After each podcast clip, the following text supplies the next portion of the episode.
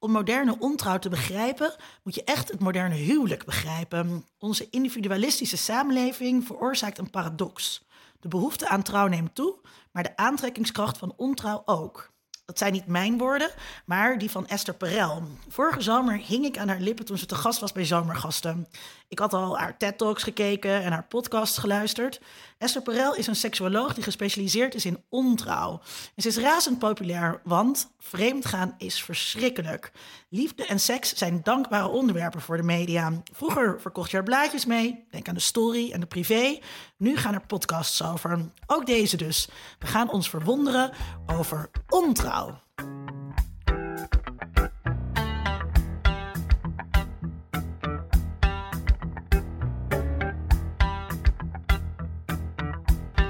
Vanuit Amsterdam is dit Onder Media Doctoren, de podcast waarin communicatiewetenschappers zich verwonderen over de media.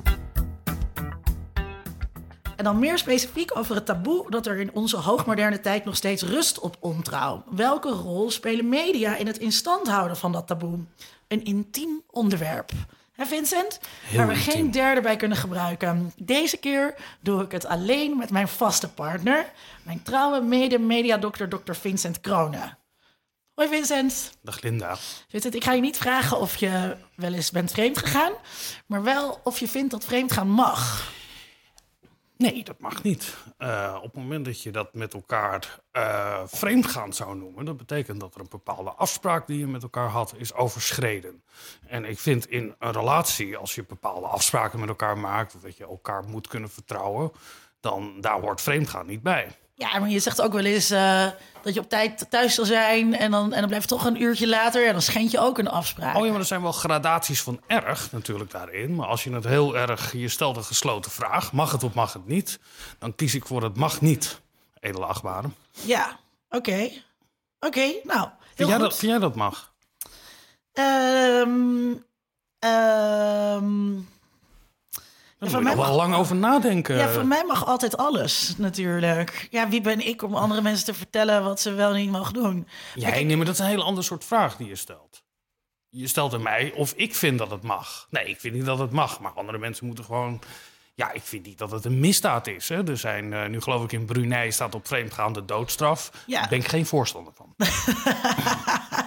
ja, maar uh, kijk, en er is natuurlijk ook een verschil als je, je mij vraagt, zeg maar, als als, uh, als iemand die veel over seks en liefde schrijft. Of wanneer je het me vraagt als ik in een relatie zit of ik vind dat die ander dat mag. Dat is zijn voor mij niet, twee verschillende beetje, dingen. Dus als jij dingen schrijft vanuit een perspectief als wetenschapper, wat dan ook, dan heb je een andere positie dan als het over jezelf gaat. Dat is toch vreemd? Nee, dat is toch logisch? Dan ben je toch aan de ene kant veel meer beschouwend en aan de andere kant hysterisch jaloers. Dus je, bij je standpunt, als je erover zou schrijven, wat je geregeld doet over seks en relaties, nou, dan neem je andere standpunten in dan dat je in je persoonlijk leven uh, voorleeft. Nou, ik schrijf ook bijvoorbeeld over, over polyamorie. Uh, heel veel, en ook op een hele positieve manier. Maar dat betekent niet dat ik dan polyamoreus wil zijn. Nee, maar dat is toch, je bent toch polyamoreus is toch een, in een ander soort categorie dan vreemdgaan. Dat is toch een ander soort. Dat is zeker, seksuele, is zeker iets anders, ja. Je, je seksuele identiteit toch niet vreemdgaan? Nee, maar dus, dus uh, um, ik weet niet of polyamorie een seksuele identiteit is. Dat is op zich al een hele interessante vraag. Ja. Of, dat, of je je dan zo identificeert, of blijkt nou eenmaal dat je gewoon meerdere partners hebt. Nee, volgens mij is het wel echt een identiteit. Luisteraars? Ik zou zeggen dat het een manier eh, van leven is, maar geen identiteit. Het is lifestyle. Ja. Ja. ja. Um, dat is denk ik wel een ander onderwerp. Maar over okay. vreemdgaan... Uh, ja, nee, ik, ik vind dat niet kunnen. Nou goed, we gaan het, uh, we gaan het verkennen vandaag. Dit was de uh, aflevering voor deze. de, als opzet uh, hadden we bedacht... we, nou, Vincent en ik hebben dus een aantal iconische series, films en muziek uitgekozen. En die gaan we gewoon bespreken. En Hartstikke goed. om zo enigszins thematisch en toch gestructureerd het taboe op ontrouw te verkennen... Let's go. We beginnen natuurlijk met... Friends. Friends, ja. We were on a break. We were on a break! Ja, het is prachtig natuurlijk. Hè? Hoe uh, die ene zin. Er is natuurlijk heel mooi met, met, met Friends had je een soort combinatie van series en serial. Mm -hmm. hè? Dus elke aflevering had een uh, The One With, uh, zo heet ze ook allemaal. Ja. met een soort afgerond verhaaltje erin. Maar er zijn ook grotere verhaallijnen, arches die eigenlijk sommige dingen weer bij elkaar laten komen. Ja, en ik Vooral denk- in de relaties die de friends met elkaar hebben. Precies. En eh, je werd heel erg beloond als je een trouwe kijker was natuurlijk... om te weten waar dan dat ene grapje over ging. Ja. Maar het, hetgeen wat het meeste terugkwam... en waar je zelfs nu nog de, de, de, de gifjes van kan vinden... was We Were On A Break. Linda, wat was er aan de hand? Nou, leuk dat je het vraagt. Ik, heb dus, ik ben zo iemand die dus in heel veel... Volgens mij heb ik het laatst ook al verteld in de podcast... dat er heel veel situaties zijn en dan in, in het gewone leven... en die, die duid ik dan aan de hand van iets uit Friends. En dit is daar denk ik ook een bekend voorbeeld van. Ehm, nou, Ross en eh, Rachel, die waren samen. En eh, toen was er iets gebeurd. Waar- waar- waarom, waarom ging het toen eigenlijk uit? Dat, ik weet niet meer waarom het uitging. Oh, Ah, de- Rachel, we oh. horen nu, we hebben de jury zegt nu dat eh, Rachel heeft een nieuwe baan. Rachel, ja, Rachel had die nieuwe baan met die knappe gast. Ja. Tag of zo. Mark. En oh, Tag is pas later. Tag is pas later, precies. En eh, Mark en eh, Ross was daar heel jaloers op. En, en toen ging het dus mis. Dus toen, ja, toen, toen hadden ze dus gezegd dat ze misschien even een break moesten nemen. Ik Ja. wist ook helemaal niet dat dat, dat dat een ding was of zo.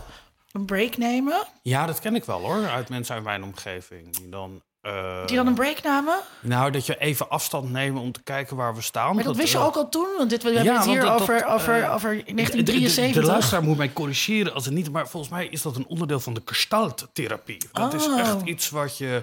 op het moment dat je afstand neemt en dan weer... dan, dan ontstaat er ruimte voor het verlangen. Ja. En dus als je maar ruim afstand neemt... en nou ja, dat geeft weer kans om naar elkaar eh, te verlangen en wat dan ook. En dat versterkt dan de band. Nou goed, ze gingen dus, ze gingen dus on a break. En toen, ehm, en toen ehm, belandde Ross met iemand in bed. En eh, daar kwam Rachel natuurlijk een aantal afleveringen later achter. En Ross zei, maar we were on a break. Nou ja, dat geeft heel mooi aan natuurlijk dat eh, bij vreemdgaan of ontrouw, wat ik misschien wel een mooier woord vind, eh, gaat over het breken van een afspraak. Ja, Eh, nu, in dit geval was het natuurlijk niet zozeer eh, dat hij ontrouw had gepleegd, maar het verhaallijntje was: wat was nou eigenlijk de afspraak wat we hadden? nou, nee, maar het gaat ook over het definiëren van wat zo'n break dan is. Ja. En, en, en of dan nog steeds de regels gelden of de regels niet meer gelden. Ja, en de, de, de- het, het doorlopende verhaallijntje en die, die trope, is het een trope? We were on a break. Eh, ja, dat gaat eigenlijk over dat hij zich verdedigt over het feit dat er een andere situatie was ontstaan. Nu gaan we het gewoon echt analyseren. Eh, waar zij hem op aanspreekt eigenlijk van nee, er was een andere situatie ontstaan, maar deze nieuwe normen, die golden eigenlijk niet. Ik denk, ik denk het niet, wa- want Ross had het niet. Hij hield het geheim. Hij wist zelf ook dat het fout zat. Ja, maar dat is ook een interessante natuurlijk. Hè? Dat, dat, dat, waar ligt de grens? Eh, is er sprake van verraad op het moment dat de ander er niet achter komt? ik, ik bedoel het in een hele filosofische eh, zin natuurlijk. Ja, Maar het opbiechten is ook een verhaallijn natuurlijk. Hè? Die daarin, Ja. of het betrapt worden. Dat is ook een... eh, It's not what you think is denk ik ook een zin die buitengewoon vaak in de media is voorgekomen. Ik kan me niet voorstellen dat iemand dat in het echte leven zegt, toch? Als je betrapt wordt. it wasn't me van Shaggy. Eh, nou, eh, je hebt nu een M&M's reclame waarin het zelfs de grap wordt eh, gemaakt. Ja. Dus dat is ook wel een terugkeer. Nou, ik. ehm, ehm, het, jij zegt van: is het, wel, is het wel ontrouw als de ander het niet weet? Nou, ja, natuurlijk is het ontrouw, maar je ziet... Je in- weet voor jezelf. Kijk, kijk, ik ben katholiek opgevoed. Ja, ik ook. Nou, ik ben gedoopt. Heb je geen vorm van comedie gedaan? Nee. Je kijkt me nu aan alsof, alsof je kijkt... Oh, daar ging het fout. Daarom leeft Jezus niet meer in jouw hartje. Ja. Daar, ja. Ja. Verklaart Lijkt mij een klein stapje naar het christendom. Het verklaart een heleboel. Maar ehm, eh, dus, dus je weet wat je hebt gedaan. Dus ja, je, je bent zondig. Ja, En de enige manier om van, van dat gevoel af te komen is te biechten. En, en, en te hopen dat de ander je vergeeft. Eh, ja dat, dat is natuurlijk een terugkerend eh, narratief thema. Hè? De, de, de biecht eh, of de, het betrappen. eh, Ja. eh, het gezien worden met een andere man of andere vrouw op Ja. straat. Eh, daar is natuurlijk de popcultuur en de media eh, staat vol van dat soort eh, verhalen. Eh, Hoe heet ook weer die rode zanger? Eh, och, help ons even. Eh, Rode zanger? ja, die, die Red Hat.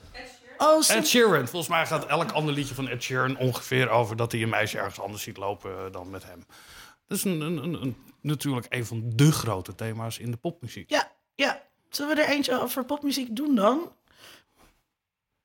Nee, graag. Van de lijst? Graag, ja. Ehm, of nee, nee, want dat gooit mijn... eh, Dat, nee, want ik wil... Nee, laten we toch chronologisch... Laten we toch doen zoals ik het had opgezet. Ja.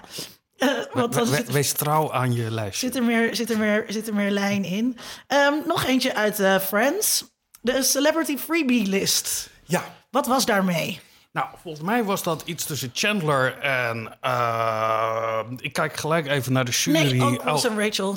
Was dat ook Ross en Ook Ross en Ik Rachel. dacht dat het Janice en Chandler was. Nee, Heet ze Janice? Janice. Janice. Janice. Janice. Ja, die.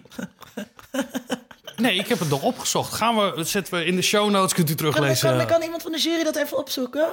De, kan je dat snel vinden? De Celebrity Freebie List. Ja, als je in, Van Ross? ja, of het nou Ross en Rachel was. Ross? Nee, Met het is- Isabella Rossellini. Het begon met Chandler en Joey, volgens mij. En toen sloeg het over op Ross. Ja, het begon, want dit kunnen de Eh, ja, luisteraars niet horen. Het begon, zegt onze redacteur Frederik, het begon eh, met iets tussen Je- eh, Joey en Chandler.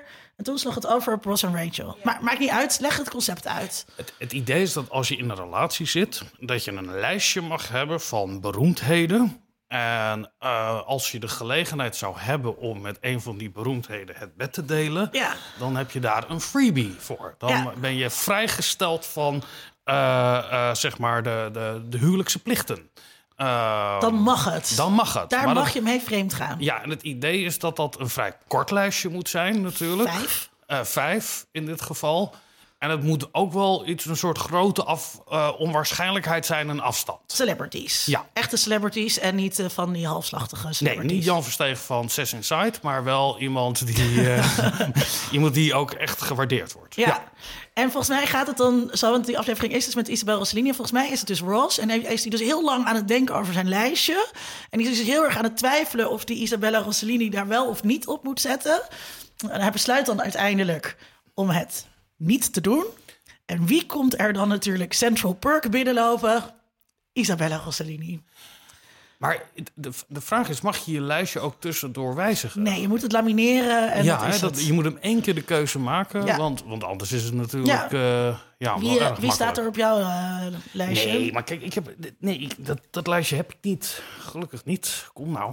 Eh, het idee alleen al. Ik vind het een hele rare gedachte ook. Dat je, ehm, stel je voor dat je met iemand bent en je bent verliefd op elkaar en die zegt ja, nou.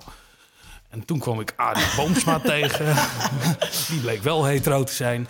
Eh, eh, dus toen, dat, dat, dat, zo werkt het toch niet? Het, het zegt ook iets heel raars over celebrities, vind ik. Dat er een soort, soort enorm eh, verlangen is om dit, met dit soort halfgoden te kunnen zijn, of halfgodinnen, waarin alle regels die er zijn, of afspraken die je maakt, of vertrouwen die je met elkaar hebt, dus overschreden eh, kunnen worden. ja, dat is, dat is Ja. het precies. Die Ja. celebrities, dat zijn goden. ja. En daar mag je het gewoon mee doen. Ja, als, als je de gelegenheid geboden wordt. Ja. Hè? Het is ook iets, een, een soort gift wat je, wat je op je pad komt. Het Ja, is een, dat is ook zo. een, een, een soort, soort, soort Ja, ja als, als een jonge deus Ethan ex Hawke... machina. Als ik een jonge Ethan Hawke tegen zou komen... die uit de toekomst is, eh, is gereisd... en, en Om- seks om jou- met mij wil... ja, dan, dan, dan mag dat. En daar wijkt alles voor. Ja, sowieso. Maar ook maakt eigenlijk niet uit. Ik bedoel, überhaupt als er een tijdreiziger komt... speciaal om seks met jou te hebben. Ja. dus, oh, dus Frederik gaat dat zeggen, dan gaan we dat hier herhalen. Het gaat volgens mij ook enorm om de gunfactor. Het gaat om de gunfactor. 0,0001% dat het gaat gebeuren. Dus Ja. als ik met iemand ben, ik gun jou Ja, je- Frederik zegt-. Ik, ik vind je... Frederik zegt dat als je heel erg veel van iemand houdt, ik, ik parafraseer een beetje, dan gun je Je gunt mij je dan niet die partner jonge Ethan Ethan Hawke. Ja, echt verschrikkelijk en zeg. die partner Ja, moet mij dan ook Brad Pitt of Johnny Depp kunnen gunnen. En Ja. die partner moet jou dan dus ook dat andere gunnen. Ja, zit wel iets van trouw tussen, hè? Ja, ja, ja dat, ik, vind, ik vind het ook heel duidelijk. En ik vind, jij, jij hebt het over afspraken maken. Dit is toch heel duidelijk afspraken maken. Dit is ook een, een afgebakende lijst. Ja, het- het is niet dat het met alle celebrities mag. Nee, maar we komen wel op een beetje nu al op het veld waar je over kan praten. Tenminste, waar jij in je columns over schrijft en wat je persoonlijke eh, eh, dingen is. Het lijkt me verschrikkelijk als je eh, je partner met een lijstje komt. Nou, dit zijn ze. Eh, Heb je, maar heb je dit nooit gedaan? nooit. Oh, dat heb ik wel gedaan. Echt waar? Ja, tuurlijk. Maar als er dan een, een- mensen opstonden, of, of meisjes van jouw partner, waar je van denkt, gadverdamme. Ja, Echt dat maakt, waar? maar dat maakt toch niet Dacht een uit? bunskoek? Eh, maakt je dat dan niet uit? Nee. Of hoe nabij mag iemand zijn? Nou ja, dat hadden we al vastgesteld. Dat mag dus niet te nabij zijn. Ja, maar Daphne Bunskoek. Daphne Bunskoek. Ja, dat is te dichtbij. Dat is te dichtbij. Ja, ja En, het- en eh, ik zou wel zeggen als regel, het moeten wel buitenlanders zijn. En Carice van Houten, die...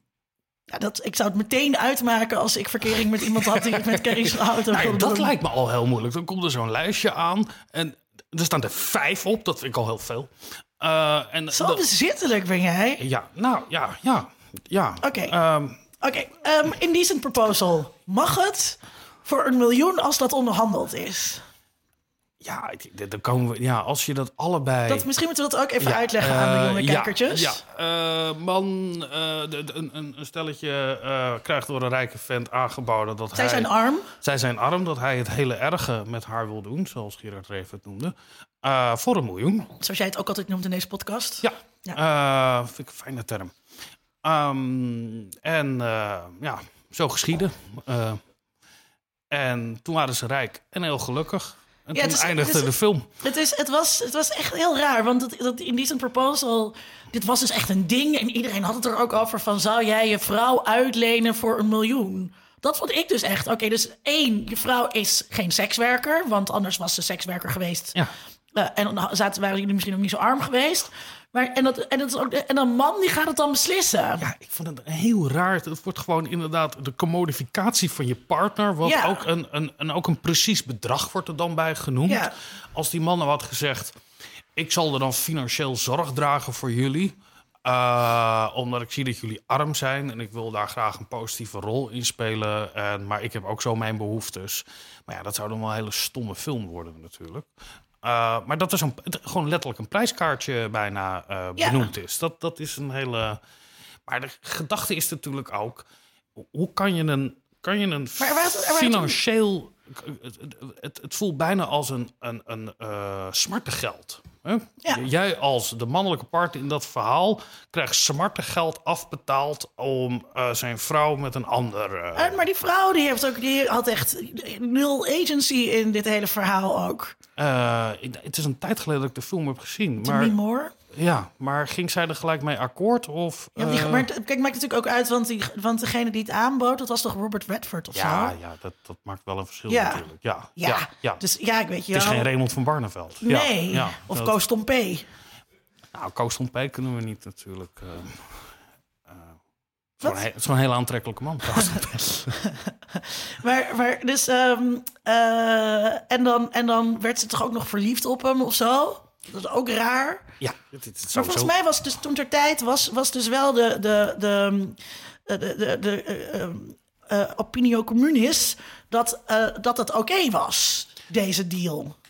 Dat er heel veel mensen, iedereen stelde toen, vind je dat in die proposal kan het en zo. Ehm, ehm, maar er waren heel veel mensen die dat wel vonden. Ja, maar dat, dat, dat geeft maar weer aan over hoe relaties ook gewoon een economische band eh, toch altijd weer zijn. We hebben allemaal hele hoogwaardige romantische gedachten over relaties. Maar eh, we zien natuurlijk in momenten van... eh, nou ja, we zaten een paar jaar geleden zaten we in een financiële crisis. Je ziet gewoon dat relaties langduriger bij dat de scheidingscijfers teruglopen. Ja. Die relatie tussen ja, financieel comfort en, en, en trouw... eh, of bij elkaar willen blijven. Ja, Ja, dat, dat is ook- dat is ook precies- enorm toe. Dat is ook precies wat ik tegen het huwelijk ehm, heb. Is dat dat ehm, de, de, de erfenis daarvan. Hè, dus dat, dat huwelijk was eigenlijk voor vrouwen de enige. eh, manier om te kunnen bestaan, zeg maar. Dus, je, Ja. dus je, omdat je niet kon werken. Ja. eh, en, dus je moest gewoon trouwen. En ehm, eh, eh, dat, dat dat nu niet meer hoeft. Dat wij nu de vrijheid hebben om zelf te werken, om je niet meer afhankelijk te maken Ja. van, een, van een man. Dan vind ik het dus ook een enorme schoffering dat er dus vrouwen zijn, hier bij de yogaschool zitten die allemaal, eh, eh, die zich dan dus afhankelijk maken van een man. Die parttime gaan werken, eh, omdat het zo leuk is om op woensdagmiddag met je vriendinnen te gaan zitten kletsen onder het raam van Linne Duits. Ja. Kut yogi. Ehm, dat, ik, dat is heel, ik vind dat heel problematisch. Dat, dat, Die- dat die- is ook heel problematisch. Want je, eh, ondanks de mogelijkheden die er zijn, eh, het, zie je dat het op het moment dat het fout gaat, eh, dat er toch nog een enorme afhankelijkheid, financiële afhankelijkheid is. En ik denk ook dat er een heleboel vrouwen in Nederland zijn. En als je nu luistert, Zeker. meid, ga weg. Denken van ja, als ik even het lijstje maak van. Ja, ik vind Gerard eigenlijk gewoon een ontzettende lul. Maar eh, wat, wat, wat rest mij eigenlijk op het moment dat ik nu wegga? Ja, Eh, dan neem je maar genoegen met het betamelijk, het, be- het betamelijk kleine geluk wat je dan nog wel hebt. ja, ja. En dan kan je dus eh, het ergens anders zoeken. Bijvoorbeeld. Maar op- denk je ook dat oh, ik, ik finans- maak een bruggetje. Ja, maar ik wil nog, denk ja. je dat ontrouw en de financiële positie eh, een, een, een rol speelt? Denk je dat er meer ontrouw is bij mensen die het financieel beter hebben? Ehm, die het financieel beter hebben. Ja, als je financieel jezelf kan bedruipen, als man of als vrouw, ehm, denk je dan dat je eerder ontrouw. Ik denk dus dat, dat ehm, als, je, als je zelfstandig bent en onafhankelijk bent, dat je, dat je dan minder ontrouw pleegt. Omdat je, niet, omdat, je, omdat je dan gewoon uit die relatie kunt gaan. Oh, dan hoef je niet eerst. Dan, Maar hoef je niet, dan hoef je niet met Gerard te blijven. Terwijl als je met Gerard moet blijven, ja, weet je wel. dan moet je het stiekem doen. Ja, en dan, en, dan, en dan zie je Peter op je werk. En Ja. denk je, oh Peter, die lijkt misschien wel een beetje op Ethan Hawke. Ja. Terwijl het helemaal niet zo is. Dus jij zegt dat arme mensen ontrouw zijn. Nou, dat lijkt me niet per se arme mensen, want dat is eh, onaardig om te zeggen. Maar ik denk wel, als er, meer, ja, als er dus meer druk is om bij elkaar te blijven vanwege bijvoorbeeld financiële afhankelijkheid, Ja. ja, dan, dan dat je dan toch eerder er- elders anders. El, elders, Ik denk elders inderdaad wel dat eh, zeker eh, als er een, een van de twee het inkomen genereert en dat comfort heeft, Mhm. Eh, dat de stap, ja, je hebt minder te verliezen. Dus als dat al een overweging is om ontrouw te zijn, dan is die factor in ieder geval een stuk minder geworden. Ja, maar goed, ik kan het bruggetje wel steeds maken. Als Mooi. je dan dus ontevreden bent eh, met Gerard en, je, en ja, die, je weet ook niet, Peter heeft misschien ook wel gewoon een vrouw thuis of man. Dan kun je dus op Second Love.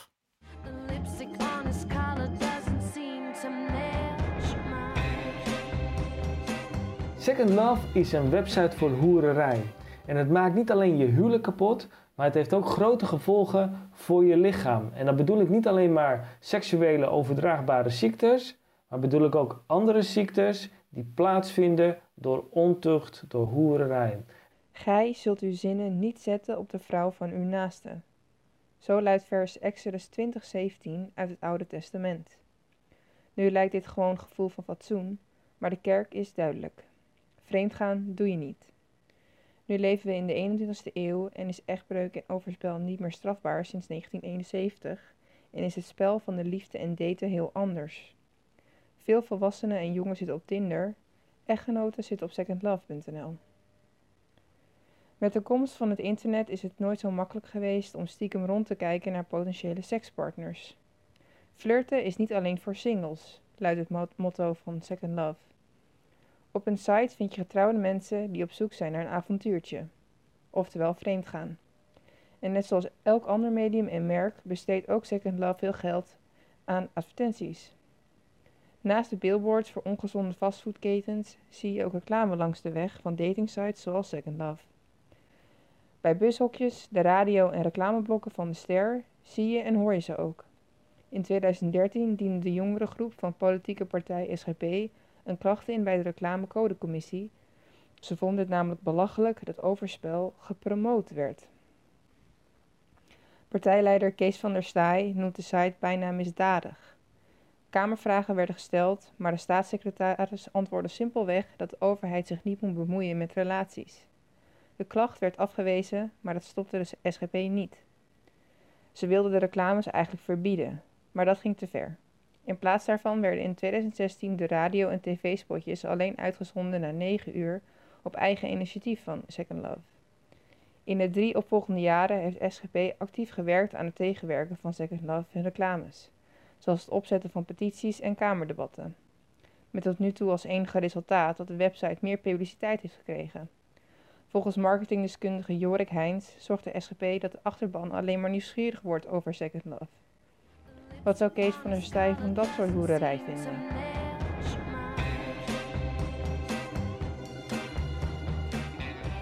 Is Second Love verwerpelijk?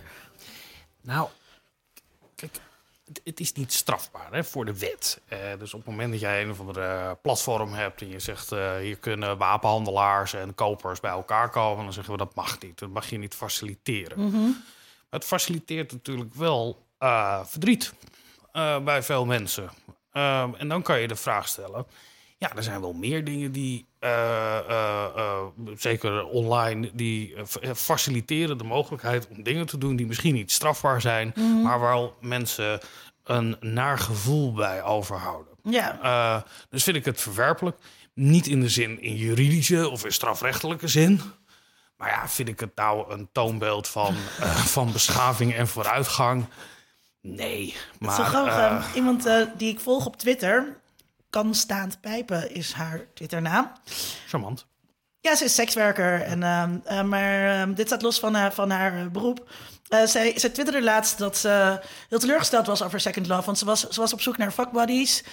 En, en die mannen die ze op Second Love sprak... die wilden alleen maar chatten en een beetje gluren. En het kwam steeds maar niet het, tot, tot het daadwerkelijke hele erge Tot- met elkaar doen. Ja. Ja. Eh, eh, dus, en dus ik, heb, ik heb ook het idee dat het... Het is al opgeklopte hype of zo. Dus ik kan me voorstellen dat er heel veel mensen op zitten... en die met je gluren en misschien een beetje chatten en zo.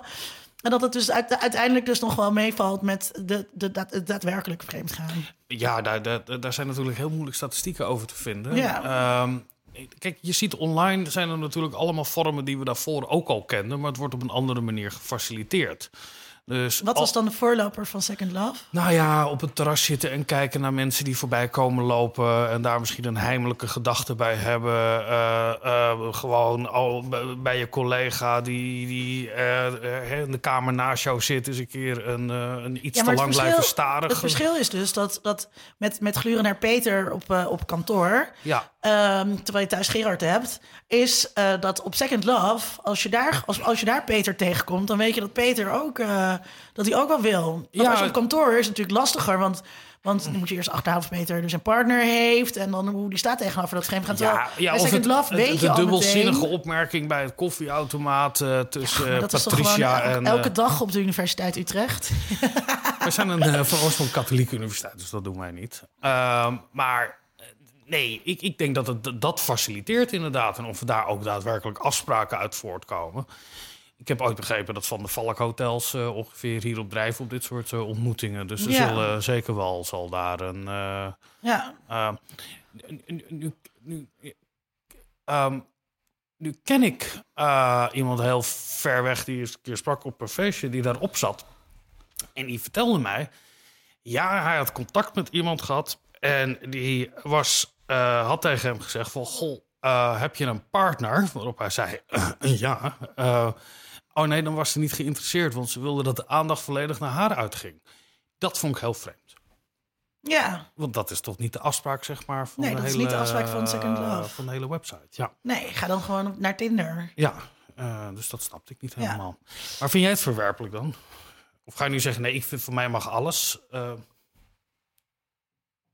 Ehm, Linda kijkt heel erg bedachtzaam. Ja, ja, ja. Ik, ik, ik heb het toen heel geamuseerd eh, gevolgd. Vooral dus omdat, ja, die domme SGP, weet je wel. Je geeft het inderdaad zo nog veel meer aandacht. En ook dat dan, dat, dat dan eh, de ver- verbod op reclame, wat ze dan willen, weet je wel. Ze zoeken altijd van die gekke malle dingen om Ja. het erdoor te krijgen. Omdat je natuurlijk niet kan, je kunt dat, dat niet eh, verbieden. Ik zou niet voor zo'n bedrijf willen werken. Nou, dat vind ik een heel, heel, heel goede maatstaf. Hè? Zou je daar aan bij willen dragen aan het succes daarvan? Nee. dat, dat heb ik ook. eh, dat, dat, Nee, wat jij zegt, dus het, het, het, eh, ehm, het is een beetje het uitlokken van ver- verdriet of zo. Ja. En dat vind ik altijd nasty. ja, En daar zou ik niet aan bij willen dragen. En, maar ja, dat, het verbieden vind ik dan weer een, eh, Ja. een andere uiterste daarvan. Hey, en ehm, denk je, want eh Frederik had het over, eh, over het, het, het, het gebod. Het, een van de tien geboden die zegt, gij zult u... Als je het gebod doorleest, staat er daarna ook niet de os en de ezel. Dat vind ik altijd heel erg grappig aan ja, dat gebod. dat moet je ook niet doen. Je moet ook Nee. niet de os en de ezel begeren. Van de buren begeren, ja. Ja. maar waarom hebben we dit taboe op ontrouw eh, nog steeds? Ook al zijn we niet meer christelijk, behalve dan een beetje een klap van de katholieke molen. Nou ja, we leven natuurlijk in een, eh, in een, nog steeds in een hele christelijke samenleving. eh, waarin de waarden van het christendom natuurlijk nog alomtegenwoordig zijn. Eh, eh, hè, diefstal staat ook bij de tien geboden. die staat heel dicht bij deze overigens. Ja. En doodslag en, en, en dergelijke. En daar ben ik wel blij mee hoor. Ik zijn veel van de tien geboden waar ik van denk... dat was een heel goed idee. Ja, dat vind ik met je eens. Ja. En ja, dit staat erbij, omdat je natuurlijk ook die, die economische banden, dat is een hele, nou, hele primaire natuurlijk. Maar ja, het, het vertrouwen wat je geeft aan iemand als dat geschaad wordt, of natuurlijk dat jouw partner, eh, als jouw. eh, als twee mensen met elkaar gaan die allebei een partner hebben. En ja, dan ontstaat daar verdriet. Waar het natuurlijk ook mee te maken heeft, is dat het wel fijn is om te weten dat de kinderen die je opvoedt als man bijvoorbeeld wel van jou zijn. Eh, en dat, dat schijnen dan weer. We hebben natuurlijk een enorme hekel aan evolutionair biologen die trachten de hele wereld te verklaren op basis daarvan. Maar er blijken uit, eh, ik weet wel eens uit tandheelkundig onderzoek, was dan gebleken dat toch één op de zeven kinderen toch niet helemaal van de papa eh, waren waar ze van dachten dat het was. Ja, ik Nou, weet niet hoe betrouwbaar die cijfers eh, zijn. Weet ik ook niet. 1 op de Eh, 7 lijkt me namelijk echt heel ja, veel. nee, het lijkt me on- ongelooflijk veel. En ik ik ken niet Eh. heel veel mensen met kinderen, maar van de mensen met kinderen, die, die, daarvan we- weet ik wel, zeg maar, van de moeder die ze gebaard heeft, dat die kinderen echt van de vader zijn. Ja, ik ken ook geen voorbeelden hoor. Dat, Nee. eh, maar dat, dat lees je dan wel eens. Maar daarin is natuurlijk ontrouw. eh, speelt ook een hele belangrijke rol. Dat Ja. je, eh, en dat zal wel, dat ligt cultureel natuurlijk heel erg vastgelegd Mhm. daarin. Ja. Ehm, we hebben het straks nog, denk ik, nog wel meer over, over ehm, de onvermijdelijkheid, denk ik, eh, van, eh, van vreemdgaan en, eh, en de relatie met moderniteit. Ehm, maar eerst in het, in het, positieve, blij, blijmoedige in het, in het verlengde van Second Love, Temptation Island. Temptation. Temptation. Ehm, Ja, dat is natuurlijk ontzettend grappig. Hè? Dat je een, een spelshow maakt Mhm. met, een, met een psychotherapeutisch verhaallijntje daarin. Dat je.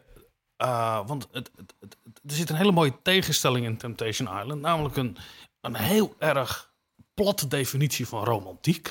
Namelijk eh, op een eiland en gezellig en wat dan ook. Maar ook die mensen die spreken altijd... nou, ik wil weten of hij voor mij de waarde is... en voor- dat ik hem voor altijd ga vertrouwen. Ja. Nou meid, zo werkt het niet. Eh, en dan is het de ultieme test door iemand bloot te stellen aan een verleiding... waarmee je moet bewijzen dat je, dat je trouw bent. dat je de verleiding kunt weerstaan. Ja, en dat het dan ook weer een soort game-achtig... eh, Dus in, in dit seizoen zit, eh, zit, een, zit een stelletje en, en, dat, en die jongen die, die hield zich steeds heel afzijdig bij alle feestjes die hier ja, en die ging de waren. Temptation niet aan, Die ging toch? Temptation niet aan. Ja, en toen ja. heeft zij een videoboodschap voor hem gemaakt. Ja. Zo van, nou Vincent, ik, ik zie dat je, dat je eigenlijk niet echt geniet. En je gaat de Temptation niet aan. En als jij niet de Temptation aangaat, dan, kan ik, dan betekent het dus ook dat ik hier, niet, dat, dat ik hier geen vertrouwenswinst behaal. Ja, maar ik vind het zo mooi van dit soort reality-programma's. We hebben het ook wel eens gehad over Big Brother eh, natuurlijk. Toen Big Brother begon, wist niemand wat de spelregels waren. Mhm. Maar al binnen een paar weken of dagen bleek de spelregel te zijn... je niet gek laten maken, Ja. jezelf zijn. Dat Ja. werd opeens het doel van het programma. Later moesten we al rare spelletjes en potjes met geld en wat dan ook. Maar het eerste seizoen, kijk hem nog eens een keer terug, eh, dames en heren... daar waren geen regels. Er waren alleen maar jezelf moeten zijn. Ja. En dat zie je volgens mij bij Temptation Island ook, dat er met de tijd, want alle mensen die meedoen, die kennen het programma ook. Eh, die komen niet zomaar op een eiland terecht en denken, hé, hey, wat is dit nu? Mhm. Die, die creëren dus eigenlijk weer nieuwe normaliteiten, nieuwe regels van goed en kwaad, Ja. waarmee dus ook iets bewezen wordt. Ja, ja. Maar ik, ik, ik vind het een heel saai programma ook. Ja, nou, dit, seizoen is vooral heel saai. Ik, had, ik heb een paar weken Waarom terug... dan? Omdat er niks gebeurt. Omdat er niks gebeurt. Ze ja, gaan niet vreemd. kijk ik niet. Ja, nee. Maar En- wat voor genoegen schept het jou om te zien dat andere mensen een derde persoon verdriet doen? Eh, de emoties die daarbij loskomen, hè, daarom kijk je naar reality televisie. Omdat je, omdat je echte emoties van echte mensen Ja, maar heb je ook die, bij die, bij die, bij die, dan van die, van die warmtebeelden en dan zie je opeens een bewegend dekbed. Dat is ongeveer wat er dan gebeurt. Tenminste, zo ken ik het nog Nou, van, je kan van echt Bart wel- en Sabine kan- je kan- uit Big Brother. Je kan echt, je krijgt soms zie je, zie je wel meer dingen te zien. Oh, dat, eh, ik Dat- volg ja. het eh, niet zo. Maar ik heb, ik heb een paar weken terug een column over, erover geschreven, omdat het zo saai is. Eh, maar die column ging erover dat, dat ehm, eh, eh, er, het gaat over vreemd gaan. Het gaat over, heteroseksueel, over heteroseksualiteit natuurlijk, het programma. En het gaat dus heel erg over monogamie. En eh, een van de dingen die daarbij hoort, is dus ook niet roddelen over je partner. Dus die column heette De Omerta van Verkering. En in het vorige seizoen, waar natuurlijk wel van alles gebeurde, was een heel vet seizoen. toen begon het allemaal. Toen een van die, van die jo- jongens, een van die deelnemende stelletjes, die had zijn vriendin heel erg dom genoemd. En eh, dat zag zij terug op de beelden. En daar werd zij zo gek van dat zij meteen het bed in is gedoken met een van die verleiders. Dus eh, dat roddelen over je verkering, dus over iets kwaad zeggen over je verkering, dat is, dat is een soort doodzonde. En het is ook een doodzonde die vreemdgaan legitimeert. Dat is, het is eigenlijk wel mooi, hè? Dat je, En nu was, eh, er, nu was er dus, nu had dus een van die, van de, in dit seizoen had één iemand gezegd dat zijn vriendin eh, op zijn zak teert, dat zij eh, niet werkt. Eh, en daar was ze ook, daar was ze ook super, super Ja. boos over dat ze dat te horen had gekregen. Toen dacht ik, yes, yes, ik hoop dat dit haar over het randje duwt. Maar helaas was dat niet zo.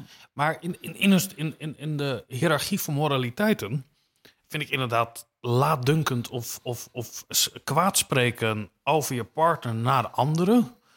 Eh, ja, dat is Ja. misschien nog wel erger dan vreemd gaan. Ja, ik kan me Dat- voorstellen dat, dat- ik jij dat- dat vind, ja. Oh, dat jij niet. Nee, dat vind ik ook, ja. dat, dat is toch... eh, eh, Ja, Want, want, want, kijk, we hebben nu steeds over vreemd gaan als eh, een, een, een daad van seks. Seksdaad. Eh, terwijl er natuurlijk ook nog andere gradaties zijn waarin het niet plaatsvindt, maar een enorm, on, on, een enorm verlangen is. Of, hemelijk verlangen. of met elkaar berichtjes uitdelen. Of eh, klagen over je partner tegen iemand en zeggen: Ik vind jou dat. dat is, dat, daar is het verraad misschien nog wel veel groter dan als er ook een. een Emotioneel eh, vreemd gaan. precies. Ja, ja. Eh, dat, dat, dat vind ik wel wonderlijk dat, dat in de populaire cultuur.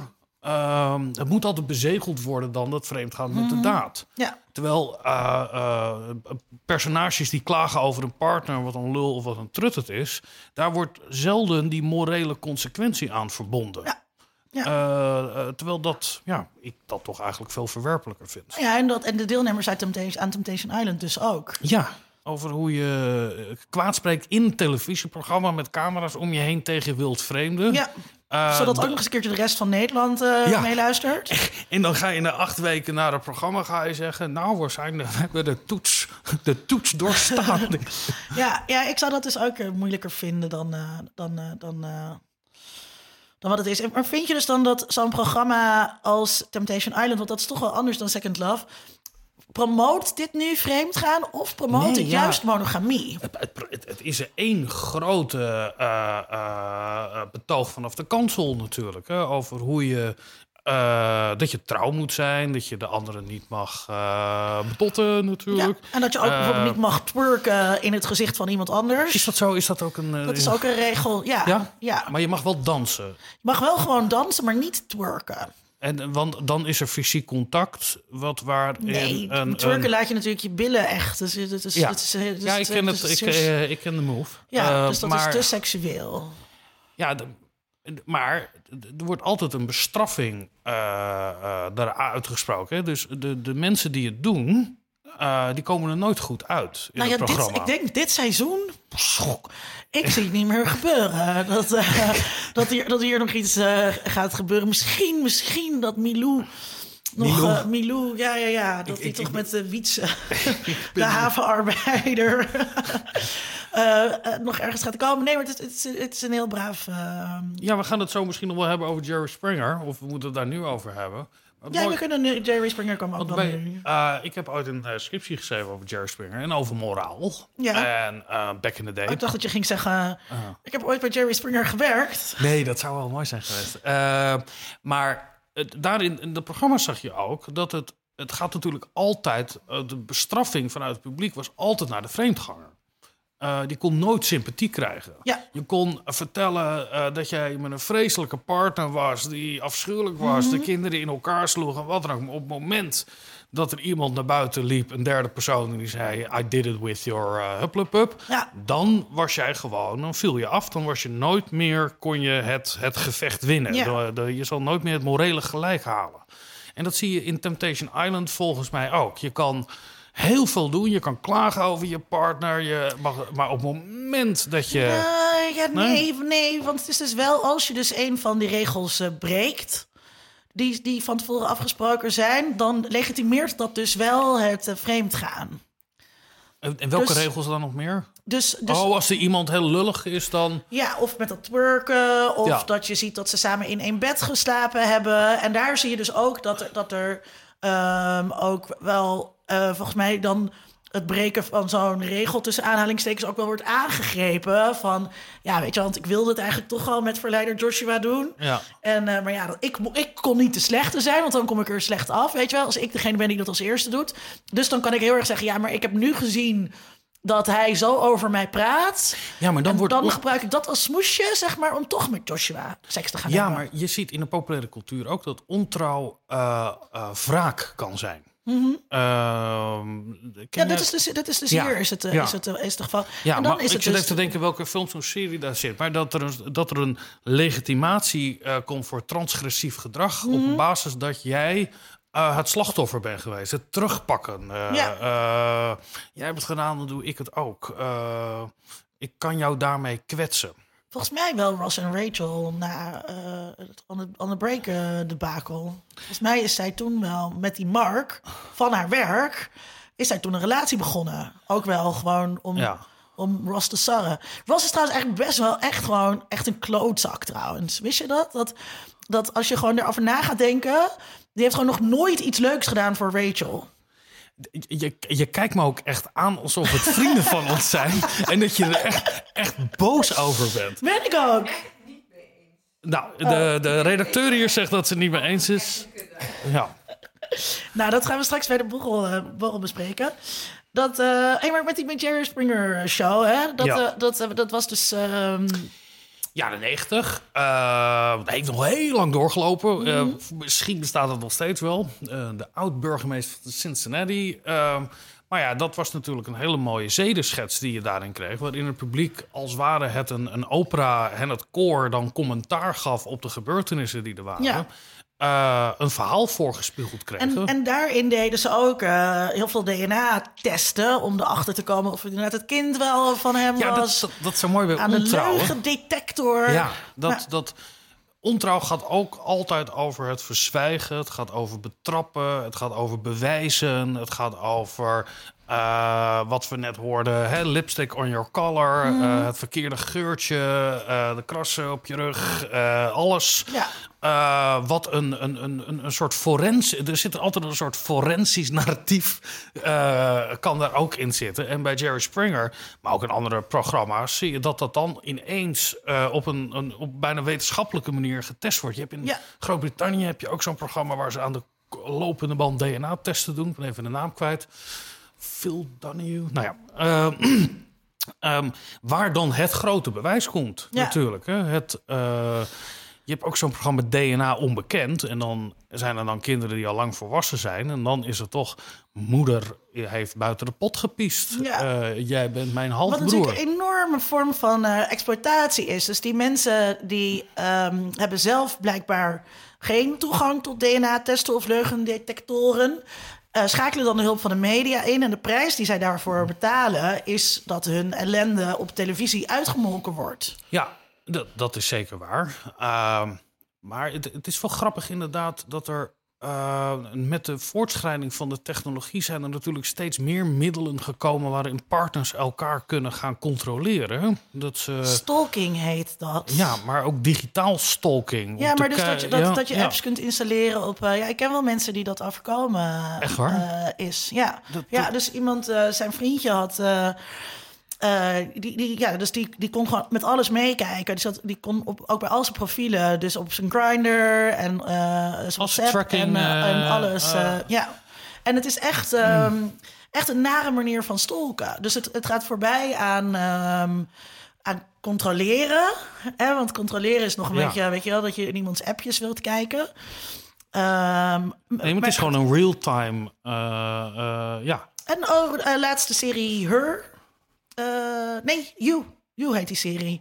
Eh ging daar dus over, over een jongen die een meisje ontmoet. En eh, dus ook haar telefoon eh, steelt. En, en dus met alles meekijkt en haar helemaal manipuleert en stalkt. En heel creepy. Ja, Netflix. ik denk dat dat wel.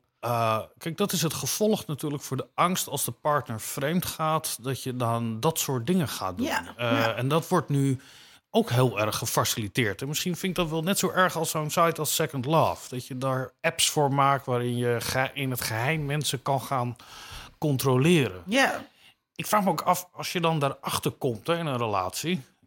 En je zegt, goh, ik zie dat je me al drie maanden aan het controleren bent. Zegt zo iemand, ja, en ik heb gezien dat je niet bent vreemd gegaan, dus nu vertrouw ik je. ja, Hoe, hoe werkt dat dan? ja. Eh, nou ja, Rick, ja ik, vind dat, ik, ik vind het dus wel interessant dat er dus inderdaad technologie is die, ehm, die dat soort gedrag bevordert. Ja, policing is het echt. Ja. Ja, en, Ja, nou, en dat, ja. dat, dat wordt steeds makkelijker, eh, natuurlijk. Ja, Ehm, maar het, het, is, het, het, het, het gaat wel samen, denk ik. Het is mooie natuurlijk dat alles maar denk je dat, het, dat zo'n relatie dan nog te redden is? Want, want dat is, als Ik het vertrouwen er niet eh, is, dan is er geen vertrouwen. Ik geloof dat een relatie altijd gebaseerd moet zijn op vertrouwen. Dus als je vertrouwen moet gaan bewijzen aan de anderen, dan eh, moet je denk ik niet bij Meedoen aan elkaar zijn. Island. Ja. ja. Ehm, Maar heb je wel eens de neiging gehad om... Nee, ga ik niet vragen. nee, Nee. daar gingen we het niet over hebben. Ehm en roddelbladen en Ja. eh, websites Ja. over celebrities die Ja. vreemd gaan. Wat voor boodschap geven die nou mee? Nou, geef jij dat antwoord eens. Nou, ik Wat, vind wat dat, hoor je daar? Nou, dus, dus eh, ehm, eh, maar, maar aan de andere kant, dus ja, dus het, zij, zij veroordelen dat altijd. Hè? Dus eh, wat was het ook alweer? Humberto Tan en Dion eh, straks. Ja. Dion, ja, weet ik veel wie die mensen zijn. Sportpresentator is dat toch? Dion straks? En, eh, nee, zij doet het journaal en hij eh, deed RTL Late Ja, dat Night. wist ik wel. Dat, ja, dat, wist, dat dat programma waar nog. niemand naar keek. Ja, Ja. ja. Dat, ehm, Behalve Dan. dat eh Dennis Forest mensen. Ehm, eh, dus dus ja, dus het is altijd een veroordeling. Hè, dat, het- dat is altijd Mm. negatief. Maar tegelijkertijd verlekkert het publiek zich daar Ja, ook maar dat heel erg aan. Jij zegt, ik zit steeds te wachten bij Temptation Island totdat het fout gaat. Mhm. Want je wil emoties zien. Maar het gaat er niet ook nog een emotie aan vooraf. Niet dat je de, maar dat je de, oh, de, oh wat erg. Eh, eh, eh, ze doet het gewoon. Of hij doet het gewoon. Nee. Dat heb je niet. Nee. Want volgens Nee, mij... ik wil dus zien wat. ik wil zien hoe de poppetjes vallen. Ja, Dus het is, het is gewoon. I het just want to see the world burn. Ja, maar en daarom is dit seizoen dus ook zo teleurstellend. Want, want het, het uitgangspunt van Temptation Island hoort te zijn... je weet dat ze vreemd gaan, je weet alleen nog niet hoe ze daar, daar komen. Ja, want dat is natuurlijk... Als een soort, eh, eh, niet hoe dan it, hoe dan it, maar why dan it. En eh, daarom, daarom kijk je. En dan vervolgens wil ik die emoties zien. Ja. Ja, want dat is een groot verschil natuurlijk tussen zo'n En programma. het is natuurlijk een hele interessante verhandeling over klassen. En, Zeker. Ehm, want kijk, zo'n programma als Temptation Island, daar, daar gaat het natuurlijk Waarom zeg je over. eigenlijk niet Temptation, Temptation Island. ja. Eh, da- daar gaat het. Daar zit de spanning in. Hoe gaan mensen daarmee om? En die roddelbladen, Mhm. die, je krijgt natuurlijk, gaat nooit een keer een leuk dubbel interview met Dionne en Umberto en zijn vrouw erbij en, en, en de kinderen. Goh, hebben jullie dat allemaal ervaren om papa te zien met Dionne op het balkon eh, bij het hotel? En Mhm. eh, we suggereren nu dat dat ook echt heeft plaatsgevonden. Ik heb wel zo'n foto gezien. Nou, hè? soms zegt een foto meer dan duizend woorden. Ja. Ehm, daar blijft het zitten bij het moment van... oh, wat erg. De, de, de, de ges- nou ja, de- niet een doorvoelde afwijzing daarvan. Ja. We gaan er juist naar eh, op zoek. Ehm, daar zit een groot verschil in, denk ik. Ehm, waarom denk jij dat mensen naar die roddel... Wat, wat, wat halen mensen daaruit uit het bekijken van dat soort roddelbladen of pagina's? Of, eh, Ja, ik, ik denk dat mensen. mm, Kijk, roddelen, roddelen gaat altijd over eh, afstemmen wat gepast en ongepast Ja. gedrag is. Ja. Dat, dat is zo Ook heb in ik- dit geval. ik Dus dat het is keurig netjes opgeschreven in mijn proefschrift over meisjescultuur. Meisjes roddelen natuurlijk heel erg veel. Ja. En dat roddelen kan zijn over daadwerkelijke personen in je omgeving of over fictieve mensen, zoals ik nu dus boos ben op Ross. dat, dat, dat- ja, en zo praat je natuurlijk ook over je vrienden of andere mensen, omdat ik roddel natuurlijk niet op deze manier over mijn vrienden. Of wel, ze luistert toch naar mijn podcast niet. Ja, dat is wel. maar ehm, Dat klopt, vrienden van Linda. dat is. ehm, had, je, had ik al verteld van. eh nee. Ja, maar dat je er zo'n Twitter-account hebt waar gewoon allemaal dat op staat. Nee, maar. ehm, dus, dus mensen doen het ongepast gedrag. eh, Te, beoor- te beoordelen. En hier gaat het natuurlijk over wat zijn de feiten en wat is er gebeurd. En dat vinden, dat vinden mensen heel erg lekker. En mensen hebben het gevoel dat ze die celebrities kennen. ja. Want daarom is het ook. Kijk, voor mij is het, is het totaal niet interessant. Want ik weet dus niet wie die Dionne Staks. Ja, dus ik heb, niks, ik heb niks met die mensen. Maar als je een band hebt daarmee.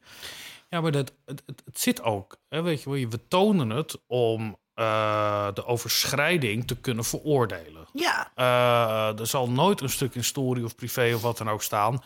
Eh Umberto nu eindelijk een leuke vrouw gevonden. Dat- het is maar terecht. beter dat hij Ja, vrouw en ja. zijn kinderen weggaat. Ja, want dat, want dat is dus ook, dat is, dat is wel een dingetje. Eh, soms is vreemdgaan dus wel oké. Dus er zijn eh, films, vooral romcoms, waarin eh, het vreemdgaan niet veroordeeld wordt. En dat is bijna altijd als de, part, als de partner een lul is, of als de hoofdpersoon zijn hart volgt. Ja, maar dan.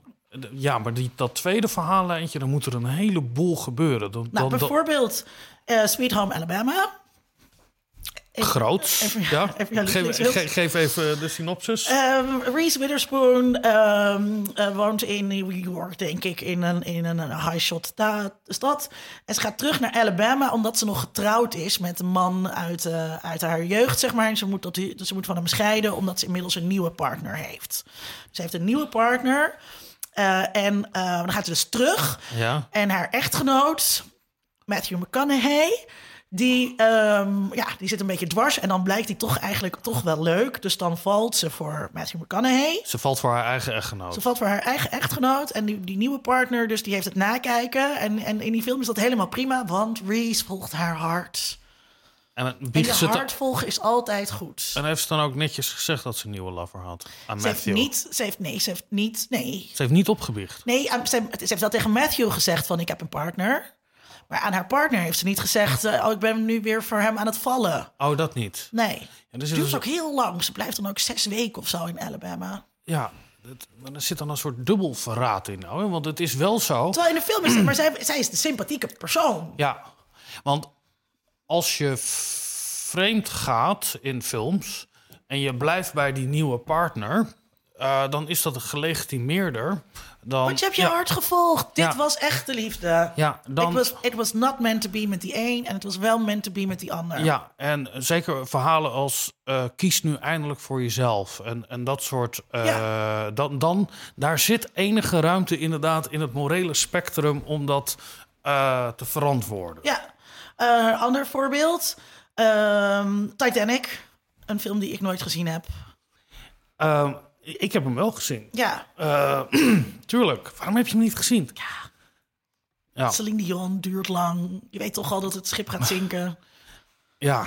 nou ja, Spoiler. ik heb nooit Star Wars gekeken. Dus eh, Ja, dat zeg je gewoon om mij te kwetsen. ja, dat is stom. Dat is ook een beetje... Ja, ja. Is ook, ja, een soort verraad. eh, R2-D2 heeft ook verkering, ja. verraad, Ehm, verraad hier.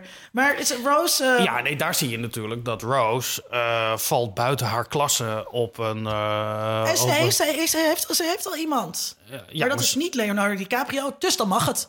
Eh, nee, zij volgt haar hart. Hier zie je ook in natuurlijk dat zij Ja, eh, en die- buiten en die- de orde treedt. Ja, het is wel even een paar weken geleden dat ik hem heb gezien, hoor. Het schijnt dat die, eh, dit, dit heb ik dus gelezen, dat die, dat die man waar ze dus mee is, dat dat een lul is. Ja, dat is een eikel. iemand, maar wel binnen haar klasse. Dus het, was, het zijn dan vaak van die georchestreerde, van die moedjes-relaties. Oh, en dat mag natuurlijk ook, ja. En als je dan buiten, maar dan moet je wel buiten je eigen klasse treden. Om eh, dat te kunnen overschrijden. Ja. Dus de, het, het, de ander mag dan ook in het verhaal... moet altijd een soort tegenovergestelde zijn... natuurlijk van de partner die je hebt. Want Ja, anders kan het ja, niet. anders kan het niet. Ja, Ja, dat, Ja. dat, dat. Ja, ik herinner me iemand nu. inwisselen voor iemand die precies op de vorige lijkt. Ja, ik, het als, ik heb als 14-jarige in een toneelstuk gespeeld. Ja, Bloedbruiloft van eh Gabriel García Lorca. ja, En ik was daar de, wil, de, de, de wilde romantische geest. ja. Die eh, de schone Deerne wist te verleiden vlak voor haar huwelijk. Dat zij koos voor haar hart en niet voor de ratio en het geld van, van haar partner. ja. Die rol speelde ik op eh, mijn veertiende. Ja, Met en haar, en haar partner was een, een, een, eh, een lange man met donker haar. Ja, en zij koos voor die, voor, voor die kleine rode. Ja, ja, ja. Ja, Ja, dat het ja. het is fictie, hè? Dat, eh, lekker ben jij. Ja. Sorry, ja. Maar we komen wel ietsje verder. Dat je ziet dat er toch... eh, er zijn wel degelijk mogelijkheden om eh, iemand te bedriegen, om vreemd te gaan. Ja.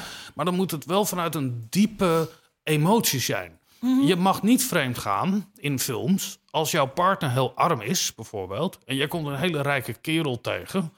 eh, die, die ongeveer net zo leuk is, maar met geld. Nee, dat mag niet. Dat mag niet. Nee. Nee.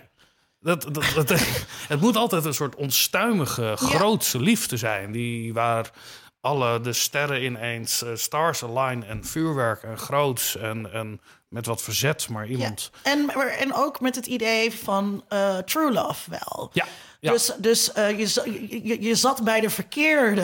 Het zou wel mooi zijn, zo'n film waar dan iemand groots kiest en weggaat... en dan na twee weken zegt, nou, ja, het was hem toch eigenlijk ook niet. Ja, Wat dus heel vaak natuurlijk het geval is. Omdat je beleeft dat grootse, die grootse verliefdheid op iemand anders. Esther Perel zegt daar ook allemaal dingen over. Ja. Die, die, dat dat, dat eh, het vooral, dat het dus vaak gaat... eh, dat er vaak mensen vreemd gaan, niet omdat ze een break willen van de relatie... of omdat ze iets anders willen in een relatie... maar dat ze een break willen van zichzelf. Ja. Dat ze zichzelf weer door, door andere ogen willen kijken, eh, Ja. willen zien. En, en dan heb je die grootste vurige verliefdheid die daarbij gepaard gaat... en alle stofjes in je lichaam, wat dan heel leuk is. ja. En dan, ja, dan ben je bij je partner ik weg. kijk er echt verdacht blij bij.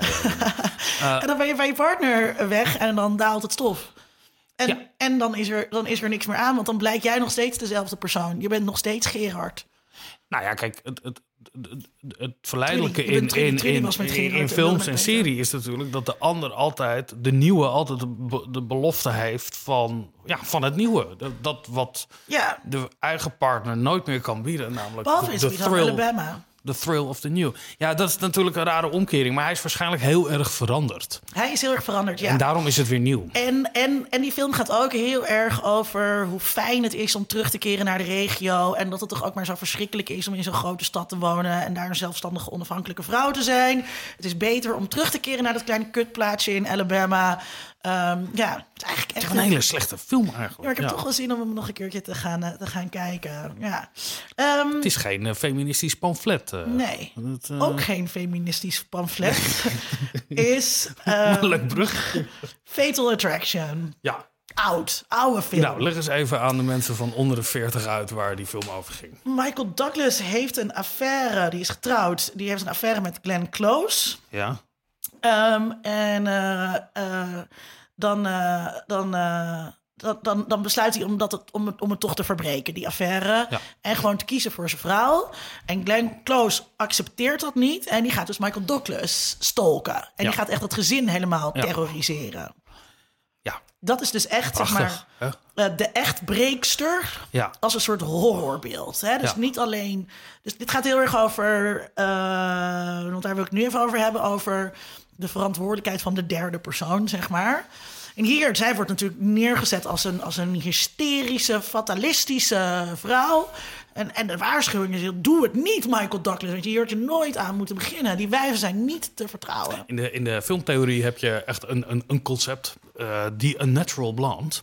eh, Oh. Die in film noir zit. En die een natural blonde is altijd de verleidster... die natuurlijk uiteindelijk ook een gek is... en die jou gaat stolken. En zeg maar de Close. Dus, maar ik vind het zo mooi dat het een natural blonde is. Eigenlijk een beetje zoals jij, Linda. Maar, eh, Dus ja, dat, dat, dat, dat natuurlijk een in en in slecht iemand is dat, die haar seksualiteit ook inzet en omslaat in geweld. Ja. En dat zie je natuurlijk heel vaak dat, in en dat, Hollywoodfilms. en dat had, hadden ze moeten weten. Want iemand die zo verwerpelijk is... Ja. dat ze gaat met een getrouwde man... ja, die Ja. zal dan ook wel gewelddadig zijn. Ja, en dat zie je natuurlijk in. eh, eh, eh, en hoe heet de andere? nou ja, er zijn nog heel veel. ik wil zeggen, Ba- Basic Instinct zit daar toch ook zo'n type in. Die is ook nog biseksueel. Nou, ja, dat zijn. is eh, luister daarvoor aflevering. ehm 69? zo, nou, dit is het moment dat jij alle afleveringen één keer uit je hoofd moet weten. Nee hoor. Nee. Ehm, maar de aflevering die we hebben gemaakt over biseksualiteit. ja, en hoe onbetrouwbaar die zijn Hoe in die films. als neergezet worden Ja. als onbetrouwbaar. En Ja. hoe dat heel verschrikkelijk is. Ja. Biseksuelen zijn hele leuke mensen. Er is niks mis mee. Nee? Ehm, en, eh, eh, maar dus dat, dat- dus dat is echt echt breekster als, als horrorbeeld, heel duidelijk. Wat vind je van het, een van de mooiste nummers aller tijden? Jolene van Dolly Parton. Jolene, Jolene, Jolene, Jolene. Please don't take him just because you can. Het, het is een smeekbede. Ja, En dat maakt het zo kwetsbaar en zo eh, eh, klein. En ja, misschien als je zelf ooit in zo'n situatie hebt gezeten, je denkt, kijk, ze benoemt zelfs he ook de talks s- about you in his sleep and there's nothing I Ja. can do to keep from crying when he calls your name, Jolene.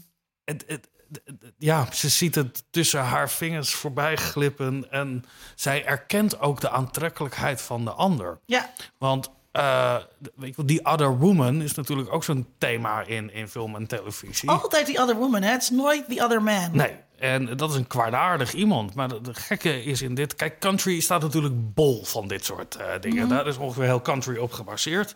En dan hebben ze nog 10% om te vertellen hoe fantastisch de United States zijn. Alabama. Eh, maar dat maakt het zo'n ontzettende, ontzettende tearjerker natuurlijk. Ja, Dat zij het eigenlijk al opgeeft. Of eigenlijk zij, zij, ze kan alleen nog ze maar... kwetsbaarheid Ze kan bloot. alleen nog maar smeken. Ja, Verlaat mij niet. Hou van mij. Nou ja, ja maar ze smeekt bij, bij, niet bij haar man. Nee. Ze zegt niet tegen die gast: hé, word eens wakker. Je, Ja. je hebt Maar het nu dat- alweer over Jolene. Maar dat, Blijf bij mij, kies voor mij. Nee, ze richt zich. Ja, en ik, ik, volgens mij is er ook in de populaire cultuur is er wel een thema van de ene vrouw die tegen de andere vrouw zegt: pak mijn man niet af. Mhm. Maar ik heb nog nooit een film gezien waarin een man tegen een andere man zegt: jij moet je niet zo aantrekkelijk maken voor mijn vrouw, Ja. want anders raakt ze in de war. Ja, Dat is gek. Dat kan alleen maar een vrouw zijn waardoor wij mannen ook gereduceerd worden. Dat wij eh, niet meer eh, zelf kunnen nadenken of daarin moreel kunnen handelen. Want als een, de van fataal eh, zich aan ons eh, aandient, dan gaan wij voor de bijl. nee, het, het, is, het, is, het, heeft, het, is, het is natuurlijk eh, gendered.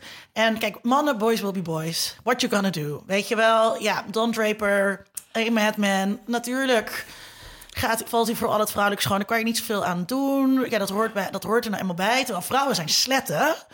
Eh, en eh, dat- en, en, en dat- die, die- dat mag niet. Dus Ja. er zit ook wel. Het is, het is veel erger als, eh, als vrouwen zich hoereren. dan wanneer mannen dat doen. Ja, maar, ik vi- vind het wel vind- een storend thema. Dat, dat, dat, dat, daar, vind je dat een storend thema? Ja. dat, Oh, wat, wat, wat feministisch van je, Vincent. Nee, niet alleen hierin, maar kijk ook maar eens gewoon naar reclames. Ja. Mannen staan in 9 van de 10 gevallen worden als sukkels afgebeeld. Als Mhm. het, het grote onvermogen, waarin dan een, een, een vrouw met een grote glimlach met een voorbij komt om de troep op te ruimen voor hem. Ja. Dat, dat is een wederkerige treurigheid. Ja. Hè? Dat die vrouw moet. eh, Nou, dat, hoef ik, dat, dat verhaal kennen we. Dat, eh, Mhm. dat horen we al 40 jaar. Maar een soort. eh, er zou ook een keer een, wat meer nagedacht en gesproken moeten worden. Dat als je mannen altijd als een soort onwetende. Eh, eh, zich laat leiden door lage lusten of onvermogen. Of stelletje. Kijk, elke supermarktreclame. eh, daar komt altijd de daadkrachtige, lekkere, gezellige moeder. en dan die sukkelige vader die we een beetje een aai over de bol geven. Want Ja. hij kan het toch allemaal Dat is ook niet. heel moeilijke boodschappen doen, hoor. Ja, en, eh, zo'n man. Ja, en die doet dan weer het verkeerde. En, en Ja. altijd een soort halve slapstick-achtige lulligheid die Mhm. er dan aan mannen hangt. Ja, en dat vind je dus ook in deze Wat, wat vind je, wat is dan de relatie met de mannen die... eh, Nou, er zit toch ook een Jolene? Die, die man die beschreven wordt. Nee, maar, maar we hadden het over dat, dat de mannen die... Dus de echt breekster, dat is een kutwijf, dat is Glenn Close en Fatal Attraction. Ja. Ehm, maar, maar Peter, zeg maar, waarmee Trudy vreemd gaat, die eigenlijk met Gerard is... Ja. Dat, dat, daar vinden we vaak niks van. Nee, dat nog erger. Kijk, Peter krijgt gewoon... eh, die pakt wat hij pakken kan, want Trudy wilde. Ja, In het Van der Valk Hotel. Ach, dit, wat een... Wat een... Op second love. En Gerard die zit... eh, je hebt thuis Wat? nog net het huis gesnipperd. ja, Gerard staat thuis... Gerard krijgt trouwens het Zwifferdoekje niet op het stokje, denk ik. Dat, dat, dat is het beeld wat je erbij hebt. En de enige schuldige... Maar die man die altijd als een soort, soort doelloos of, of onwetende... of een totale karakterzwakte heeft... dat zie je in, in, in al die populaire cultuurvoorbeelden... zie je dat terugkomen. Ja. Dat, dat, ik vind dat... Ja, eh, ik vind dat een enorme ondermijning van, van, ja, van, Ja. Van, van mannelijkheid in dat soort situaties. En moreel ook. Ehm, als je dit het verhaal moet zijn dat je als man gaat zeggen... ik kon niet anders, ik ben in de verleiding gebracht. Ja, Da- daarmee zeg je dus, ja, ik heb geen agency over mijn handelen... Ja. en of ik mijn broek aanhoud. Dat, dat, dat, dat, ik vind als iemand tot fysieke daden overgaat... waar hij geen controle over heeft... die moet je eh, in therapie. ja.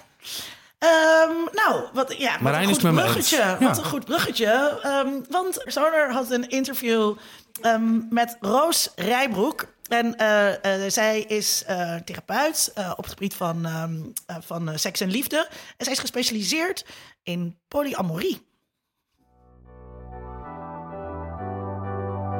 Ik ben Roos Rijbroek en ik ben relatiecoach en ik werk in Utrecht. Ik ben gespecialiseerd in polyamoreuze relaties en mensen die op creatieve manieren hun relaties vormgeven. In de media zie je vaak dat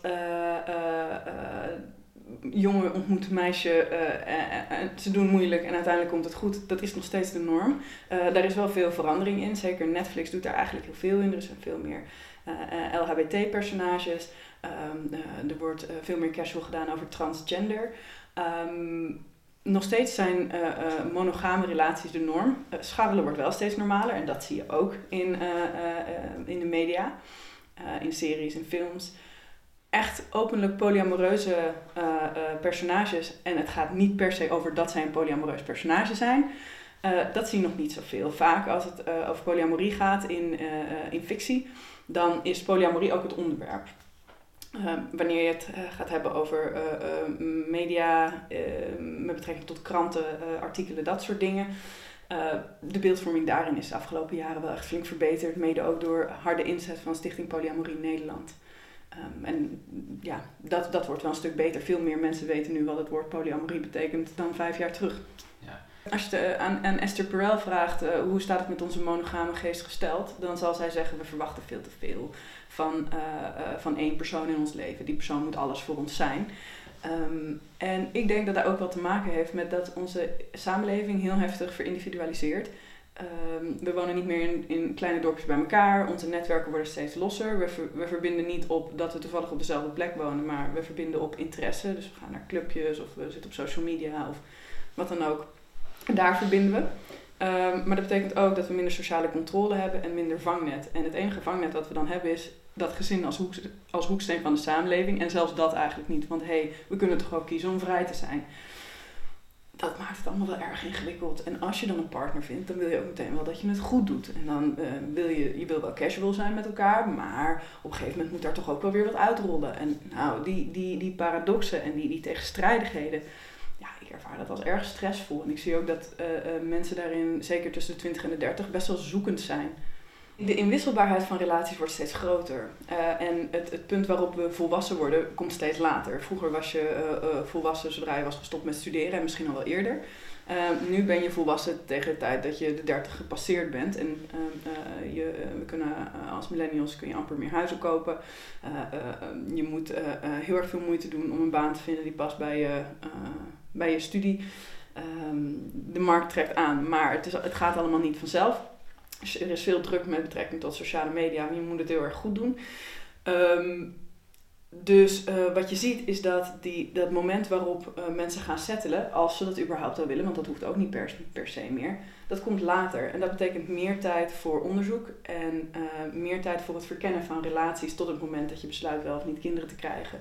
Ehm, en dat levert wel spanning op, want dat betekent dat er meer vrijheid is, minder houvast, we hebben geen God meer. Ehm, wat gaan we doen met die tijd? Hoe gaan we dan eh, onszelf datend, relaties hebben, scharrelend, tinderend eh, eh, in verbinding stellen met elkaar? Ehm, dus ik merk wel dat mensen daarin zoekend zijn. En ik merk ook dat mensen dus ook de monogamie aan het bevragen zijn. Van hé, hey, ik kan monogamie doen, maar is dat ook echt wat ik wil? Want het gaat allemaal over wat wil ik nou eigenlijk? Dus ik zie wel dat daar een verschuiving in is. Mensen zijn niet snel meer tevreden met een relatie die wel oké is. Het moet, het moet heel veel zijn. Het moet, uh, iemand moet je partner zijn, iemand moet je beste vriend zijn, iemand moet je seksuele vlam zijn, iemand moet je emotionele steun en toeverlaat zijn, iemand moet van alles voor je zijn. Um, dus de druk is hoog en mensen zoeken daar hele creatieve uitwegen voor.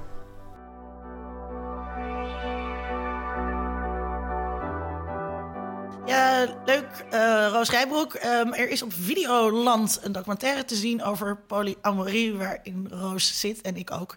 Uh, dus als je Videoland hebt, uh, kijk dan vooral als je geïnteresseerd bent in dat thema. Um, deze nieuwe relatie, ja, nieuw, nou ja, dat is ook maar de vraag hoe nieuw natuurlijk is. Maar deze representatie of deze relatievorm zie je eigenlijk niet gerepresenteerd. Uh, in de media. Dus je hebt. Um, er was onlangs een Netflix-serie, You, Me, Her. Uh, over een, uh, een polyamoreuze relatie. Maar dat is het eigenlijk wel. Als het gaat over positieve representatie hè, van polyamorie. Ja. Is het eigenlijk wel mogelijk ook om polyamorie romantisch te verbeelden? Nee, de, de, het, het is. Kijk, de monogame relatie tussen twee mensen. Dat leent zich heel goed voor een narratief. Want uh, die twee mensen ontmoeten elkaar een keer. Dan gaat het een beetje wat ze ook omschrijft. Dat is een beetje lastig. Maar uiteindelijk komen ze wel bij elkaar. En, uh, en dan is het leven nog lang en gelukkig. Mm -hmm. uh, of iemand wordt verliefd op een ander. Is dat het drama? Maar het, het, een, een verbeelding van een polyamoreuze relatie... waarin er veel meer ruimte is en, en, en dat soort... Ja, daar, daar is, dat is gebaseerd op het idee... we gaan over bepaalde dingen geen conflict hebben. Ja. Uh, en als je geen conflict hebt, heb je ook geen verhaal. Ja. Dus ik denk dat daarin de moeilijkheid zit. Als jij een film begint, uh, twee mensen, uh, die zie je bij elkaar aan de ontbijttafel Trudy zitten. en Gerard. Ja, Trudy en Gerard zitten aan de ontbijttafel. En je ziet Gerard naar buiten lopen. En die gaat naar het Van der Valk motel. En die komt s'avonds weer terug. En Trudy zegt, nou was het fijn met Gerda? Ja. Gerard en Gerda. dan dan, uh, dan is daar geen, geen is conflict. Ja. uh, en dan kan je wel zeggen, ja, was heel fijn. Of het moet dan gaan, wat je uh, hebt natuurlijk, dat we heel veel... Je ziet ontzettend veel polyamoren. Er is wel aandacht voor uh, dat mensen dat dan gaan vertellen. En die gaan dan moeilijke vragen beantwoorden. Ja, maar hoe doe je dat dan? En uh, ja, dus hoe slapen in, jullie? In, dat is een soort non-fictie is er dus wel uh, ja. wat aandacht voor. Ja. Dus die documentaire op Videoland is er bijvoorbeeld. Er is redelijk wat over geschreven. Ja. Ook in de pers, ook natuurlijk naar aanleiding van het monogame drama. pamflet van Simone van Saarloos. Um, mensen vinden het allemaal heel interessant. Uh, om over te lezen wel. Of om te bedenken, oh, dat zijn mensen die dat doen. En dat is niet allemaal aapjes kijken. Uh, die docu van Bob Videoland bijvoorbeeld is wel, is wel echt heel integer gemaakt. Ja, dat heb ik ook wel. Uh... Um, dus, die, de, dus, dus er, er is wel, vanuit die kant is er wel interesse. Ja, maar het is natuurlijk niks nieuws. Hè. Dat, dit, dit, dit kennen we al veel langer. En uh, dat, dat mensen dat doen of daar onderling afspraken over hebben gemaakt. Uh, in de jaren zeventig had je natuurlijk uh, het hele idee dat je monogaam was. was een heel raar idee van bezit. En daar waren we toch juist bezig in de commune om alles te delen. Dus ook het lichaam. En ja. Dus ja, het is niet zo'n heel erg nieuw ding. We, hebben er, we zijn erg goed in de laatste 15 jaar om overal mooie labels voor te maken. En is het Um, um, die, dat, het, dat je het in fictie eigenlijk niet dus al weinig terugziet. In Amerikaanse fictie komt dat niet ook omdat die fictie dus allemaal zo diep conservatief uh, uh, is. Nou, kijk, laten we, laten we één ding vaststellen: dat uh, bijna heel, nou, heel weinig mensen een polyamoreuze relaties hebben. Dus als jij films gaat maken, dan doe je dat voor een publiek die enige herkenning moeten hebben eh, voor wat je dat doet. Ja. Ik- als wij allemaal eh 80% polyamoreus is, dan zouden we prachtige, mooie, romantische, polyamoreuze films maken. Eh, het is niet zo dat we daarmee dat het conservatief is alleen maar. Er worden ook in Amerikaanse cinema worden natuurlijk best wel tal van voorbeelden gegeven waarin eh, buiten de gebaande paden relaties worden getoond. Eh, ik zie in polyamoreuze relaties in een romantische zin. Dan kom je op een definitie van wat definieert dan romantiek. Is het een doorvoelde, emotionele relaties die mensen kunnen hebben? Ja, maar dan ben je tot na drie minuten wel een beetje uitgesproken over die polyamorie. En dan gaat het gewoon over hoe mensen elkaar kennen Ja, en maar met elkaar is- samenleven. Maar, dus, maar wat Roos zei, eh, als, als er dus al een representatie is, dan gaat het over de polyamorie. En niet, het, je ziet dan niet mensen die toevallig polyamoreus zijn, waarbij de verhaallijn daar niet op focust. Nee, en dat zou, denk ik, dan kan ik me best voorstellen dat dat wel een keer eh, een verhaal, als dat ook voor je narratief goed uitkomt, dat je dat, dat laat zien. Ja, Eh, maar er zit gewoon weinig eh, potentie van conflict in polyamoreuze relaties, dus geen verhaal. ja of tenminste, dat is het idee natuurlijk. Ja. Dat, eh, want er zit natuurlijk wel, want kijk, die polyamorie. Ehm, er, er is genoeg conflict. Dus er is conflict met ouders, met mensen in je omgeving die het niet begrijpen, die het afkeuren. Je moet heel erg vechten eh, tegen stigma. Er zit heel veel, er is heel veel intern conflict. Hè? Want eh, ook mensen die polyamoreus zijn, worden jaloers. En op het moment dat Gerard dus weg is met Gerda in het Van der Valk Hotel, dan moet Trudy echt haar best doen om haar jaloezie ook in banen eh, te leiden. Ja, deze uitzending gaat niet over persoonlijke meningen en wat dan ook, maar ik, ik vind het ook een rare aberratie van deze tijd. Eh, Nou, Vincent. ja, kom nou. Hè, dat, eh, Nou, vind je dat echt? Ja, ik vind er zijn ontzettend veel experimenten mee gedaan en probeersels hiermee. En het eindigt altijd in tranen. Maar, nou, Ja, echt? ja kijk naar al die jaren 70. Ik kom uit eh 75, dus ik weet nog wel verhalen van mijn ouders over hoe die... het eh, ik zat ook nog eens een keer op de vrije school, dus dat was ook nog eens een keer eh, een, nog een progressieve omgeving. Ja, al dat soort experimenten om, om anders samen te leven... eh, zijn, allemaal, zijn overwegend mislukt eh, met veel tranen en verdriet Maar dat en komt strijd. ook omdat er mensen zijn zoals jij die het op voorhand afwijzen. Nee, mensen die er voor elkaar hebben gekozen, daar zelfs hele huizen en boerderijen voor afhuurden om dat samen met elkaar te zijn. Mhm. En er ontstaat in de regel, tuurlijk zijn er uitzonderingen. Nou ja, je had eh, Anton Heijboer, hè, die leefde met vijf vrouwen samen. Kijk, laten we dat nou niet als voorbeeld nemen. Waarom niet? Eh, omdat het een hele enge, dominante, gekke man was. eh, Maar- met maar- vijf vrouwen met een daddy issue. Maar ik vind dus ehm, dat, dat de, de, de, de, bezitterigheid... die hoort bij, dat, bij het monogame... Dat, dat, dat vind ik echt beangstigend. Ja, ja, maar er is een. een, een eh, nou ja, historisch gezien eh, zijn er weinig mooie voorbeelden te geven over hoe dit heeft kunnen functioneren. Maar dat komt nogmaals ook. Hè? Dus het is niet, Ik wil het, het is niet, niet de iets. homoseksualiteit die leidt tot, eh, eh, tot depressie en problemen. Het is de maatschappelijke reactie op homoseksualiteit. Hè, dat, is, dat, dat is een historische ontwikkeling. Ja, maar dan komen we waar we het eerder over hebben, is Dus dat kan polyamorie. polyamorie denk ik ook wel zeggen. Dat er dus heel veel stress ook komt door de buitenwereld die het niet accepteert. Ja, dat, dat, dat geloof ik graag dat dat niet geaccepteerd wordt. Eh, maar het, het, het- ik vind homoseksualiteit nou toch dat wezenlijk iets anders. zijn met future boyfriend... Ja, Dan, dan, dan word jij boos op me. nee, natuurlijk word ik niet boos op je. Eh, Dan kun je eh, het af. Dan zeg je, dit gaat eindigen in tranen. Dat wel. Maar het eindigt altijd in tranen. Al die relaties eindigen in tranen. Linda, we zouden het niet over persoonlijke dingen hebben. Maar je mag er best even over praten hoor. Nee, maar, eh, dat is, maar, maar het is natuurlijk het is onzinnig om te zeggen dat monogamie niet eindigt in tranen. de- de- eh, Sterker nog, we hebben allemaal heel veel drama vandaag besproken. Ja, het gaat over vreemdgaan, deze, deze Ja. aflevering. Eh, ja, nee, Maar dus- ik, maar ik, denk ik, je dat- Ik dat- denk dat er een heel... En dat het meer is... Ik, ik, denk dat, ik vind polyamorie toch echt iets anders dan homoseksualiteit. Ehm, dat het in een andere categorie valt. Ja, dat is het ook. Dat denk Ja. ik ook. Eh. maar, eh, dus, maar ik denk dat, dat die vergelijking hier wel opgaat. Dus dat, dat de maatschappelijke Ja. eh, reactie erop zorgt voor, voor problemen. En niet het fenomeen zelf. vermoeiend. Het, het- ik denk als je hier een film over maakt... dan moet je eigenlijk het continu vergaderen met elkaar. Het is, ja, dus hè? dat is, het is heel Ja. veel werk. Och, jeetje. Ja, Dat- nee, ik heb daar ook, ook wel eens een column over geschreven. ja. Eh vreemdgaan is veel minder werk. Dan moet je een beetje bijhouden wat, wat voor leugens je allemaal hebt verteld. ja, maar die Eh, afspraken ehm, met elkaar en ja. hoe en wanneer. Nou, En ik- het vereist dus ook ehm, dat, je, dat je dus heel open bent en dat je heel erg veel rekening houdt met je eh, partners. Ja, ik zag een keer een documentaire over zo'n christelijk eh, Amerikaanse een man met vijf vrouwen.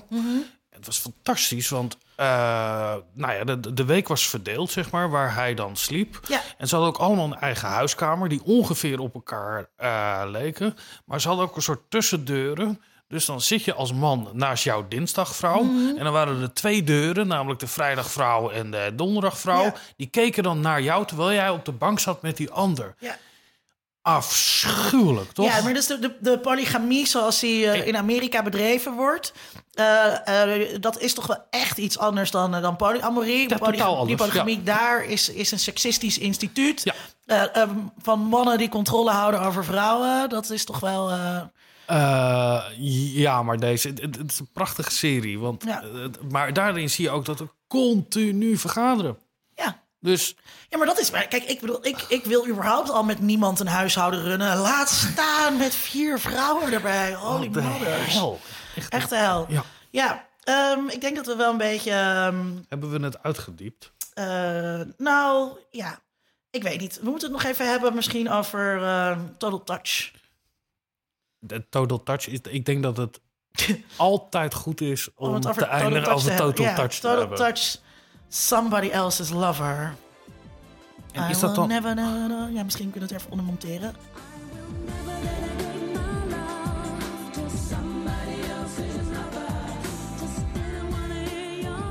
Ja, Ja, wat, luister, je luistert nu naar Total Touch. ehm, het, is, het is beter om niet te gaan met iemand die al in een relatie zit, want daar krijg je zelf pijn van. Ja, is toch zo? Is dat zo? Ja. Is het, want, want is er dus, heeft, heeft eh, dat is ook waar we het natuurlijk met Jolien een beetje over hadden, heeft de, de, de echtbreker, zeg maar, degene waarmee vreemd gegaan wordt, heeft die verantwoordelijkheid? Of zij?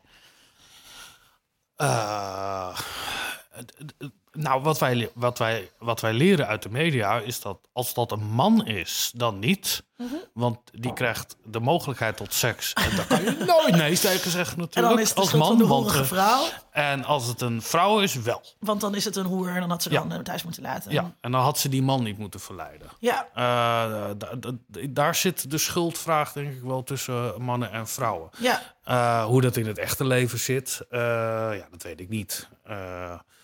Het, het, het, het, lijkt mij heel lastig als je de partner kent, bijvoorbeeld. Uh, ik, uh, ik heb een vriend waar ik een podcast maak, die dat volgens mij wel eens is overkomen. Maar dat, uh, maar dat verhaal heb ik nu even niet paraat verder. Tom? en, uh, en, um, maar ja, dus als je, als je degene kent. Um, ik, ja, maar ik, nee, ik vind dus dat de andere, dat de, dat de derde persoon heeft geen verantwoordelijkheid. Het is niet. Uh, weet je wel, dat als iemand getrouwd is, dat dat een soort heilige eenheid is. Die ik luister toch ook een beetje. Nu we het hebben over verantwoordelijkheden, dan spreek je ook een term van schuld, dus ook een term van kwaad. Dus ben je nu wel op het standpunt dat uh, vreemdgaan niet mag? Nee, dus ik vind dat die, dat die derde persoon dus die heeft geen die, die mag prima iemand laten vreemd gaan. Ja, dat, ja. dat vind ik niet. Uh, daar heb ik geen probleem mee. Oh. Hebben we nog want, je kan niet, want je kan niet in de relatie van een ander kijken. Weet jij veel wat er aan de hand is? Ja, als je daar al moet gaan vragen. Pff. Ja, maar het, het, wat me opvalt eigenlijk aan het hele gesprek wat we hebben gehad, alle vormen daarbij, dat ik met name denk, als we dan toch over het echte leven hebben, het levert echt zoveel gezeik op allemaal. Dat is het. Het hele leven levert gezeik Nee, maar vooral op, dit. Vooral dit levert volgens mij heel veel gezeik op. Uh, en daar gaan films nooit over. Over het gezeik dat erbij hoort. Ja, wat, wat er daarna gebeurt. Weet je wel, uh, uh, vrouw gaat vreemd met, met leuke man. Man komt daarachter en die zegt op een gegeven moment... toch hou ik van je en ik vergeef je. Nee, zo gaat het niet. Dat is nog maanden, jaren uh, ja, dat is dus waarom, en gezever. En, en, en waar ga je heen? En ik vertrouw je niet meer. En... Dat is waarom Esther Perel natuurlijk zo, zo populair is. Ja. Omdat zij uh, de therapie doet met die stellen. En iedereen... Kijk, een vreemdgaan gebeurt natuurlijk heel veel. Het overkomt heel veel mensen. Iedereen heeft wel iemand in de omgeving... Uh, die met de verschrikkelijke klootzakken als exen. Die, nou ja, we zullen er niet op ingaan.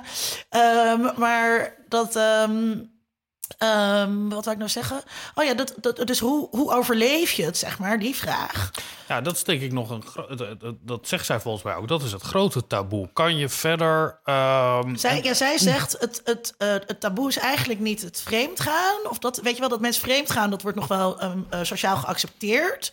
Ehm, maar eh, waar echt het taboe ligt op het blijven. Ja. Dus, je, dus je, je komt erachter dat je partner is vreemd gegaan... en jij verlaat hem of haar niet. ja, Dat is, dat is nu het grote taboe, zegt Esther Perel. want dat, dat zou ik ook in, eh, in films of in series een veel interessanter thema vinden. Ja. Om, om hoe, eh, hè, hoe bouw je dat vertrouwen dan op? Hoe gaat dat dan? Hoe, hoe, hoe, hoe werkt dat? Ja, en, maar daar dus- zit een heel interessant conflict ook onder. En we vinden dus dat je, ehm, dat je je hart moet volgen, al, al die dingen. En dat, en dat past dus ook niet bij blijven. Eh, nee, maar je ziet... Kijk, films zijn altijd gericht op iemand die tot actie overgaat. Eh, iemand Zo die... passief eh, bedoel je dit, dat blijven. ja. Eh, Terwijl dat het helemaal niet is. Want je moet dus heel, dan moet, daarna moet je dus heel actief aan je relatie gaan werken. ja, maar daar moet dan een film over gaan. Ja. Dus ik zou alle filmmakers willen oproepen... begin gewoon eens een film op het moment dat iemand zegt... nou, we hebben het er nog wel over. Dat Ja, lijkt mij een maar veel die, zelf- die mooier... films zijn er toch ook wel? Ik kan me echt niks. k- komt eh, bij mij naar binnen. Maar luisteraar, als je een mooi voorbeeld hebt over een film. waarin het gaat over een liefdesrelatie die verder gaat na eh, de overschrijding. Gesprekken, volgens mij is dat... eh, Ik weet eigenlijk niet of ik zo'n film wil zien, trouwens, bedenk ik me nu. ik weet zeker dat jij zo'n film niet wil zien. Nee, wat een gezeven en gezeik allemaal. Ja. Maar als, ik denk dat hier een publiek voor is. Laat ik het zo zeggen. Dat denk ik. ook. Nou ja, en dat, maar, en dat is dus... dus Maar is dat die populariteit van die Esther Perel? Dat, Ja. dat is toch ook ingegeven door eh, hoe deal ik met mijn eigen gekwetstheid hierover? En het, het, ik mag, eh, ik, ik hou van die vrouw of die man en dit is me overkomen en nu krijg ik een, een, een legitimatie door dat te luisteren en dat zij dat zegt en dat taboe daarop en bij elkaar te blijven, dan vind ik eigenlijk, daar kan ik een deel van mijn eigen waarde uit putten om wel bij iemand te blijven. Ik denk dat dat haar ook zo populair maakt. Nou ja, ik, ja misschien. En, maar, dus, maar dus ook sowieso, hoe ga, je, hoe ga je daarmee om? En ook hier is het natuurlijk ook, dus heeft die podcastserie gemaakt... eh, waar je dus meeluistert in haar, eh, in haar, in haar spreekkamer... Met de, met, de, met de sessies die zij met stellen heeft... Die, waar dus iemand in is vreemd gegaan.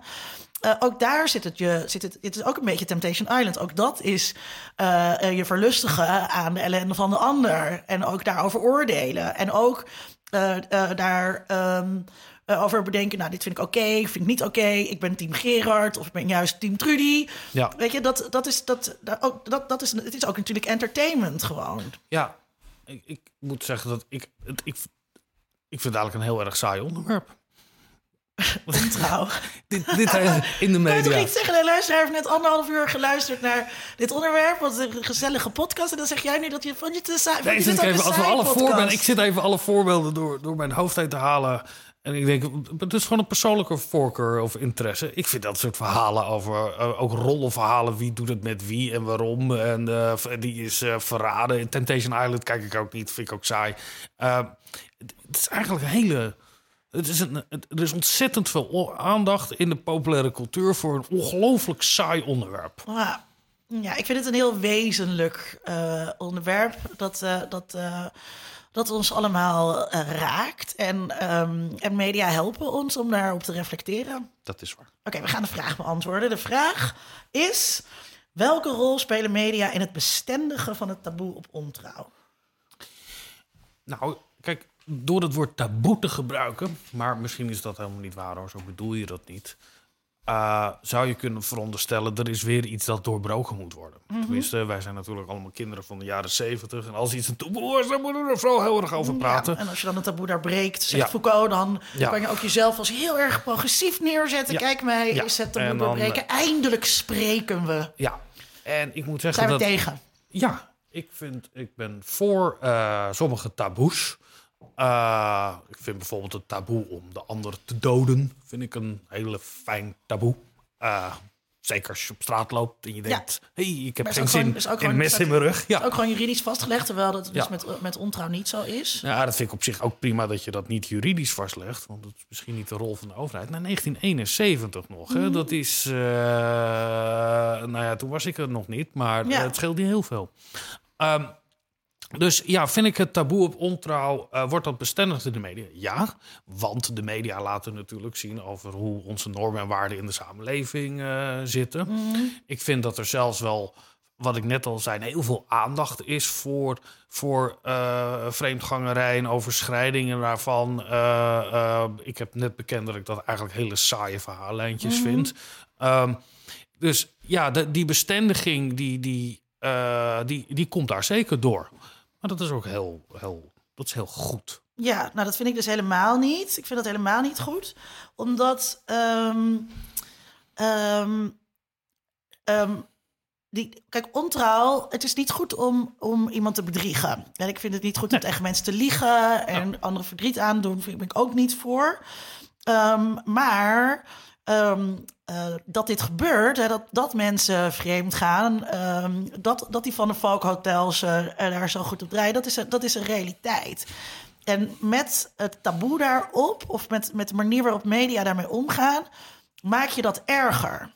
En maak je ook, de, de, de, je, je, je houdt dus dat, dat monogame ideaal ook heel erg in stand. En eh, dat monogame ideaal, dat eh, bij sommige mensen ehm wringt dat gewoon. Die, die, vinden, die vinden dat moeilijk. En, er, en dus zo krijg je ook nog weer stigma dat het allemaal erger maakt. En, en ik vind niet dat het, dat ik zeg niet dat we, er op, eh, dat we er meer over moeten praten of zo. Maar dus ik vind het wel interessant om andere, andere vormen te zien.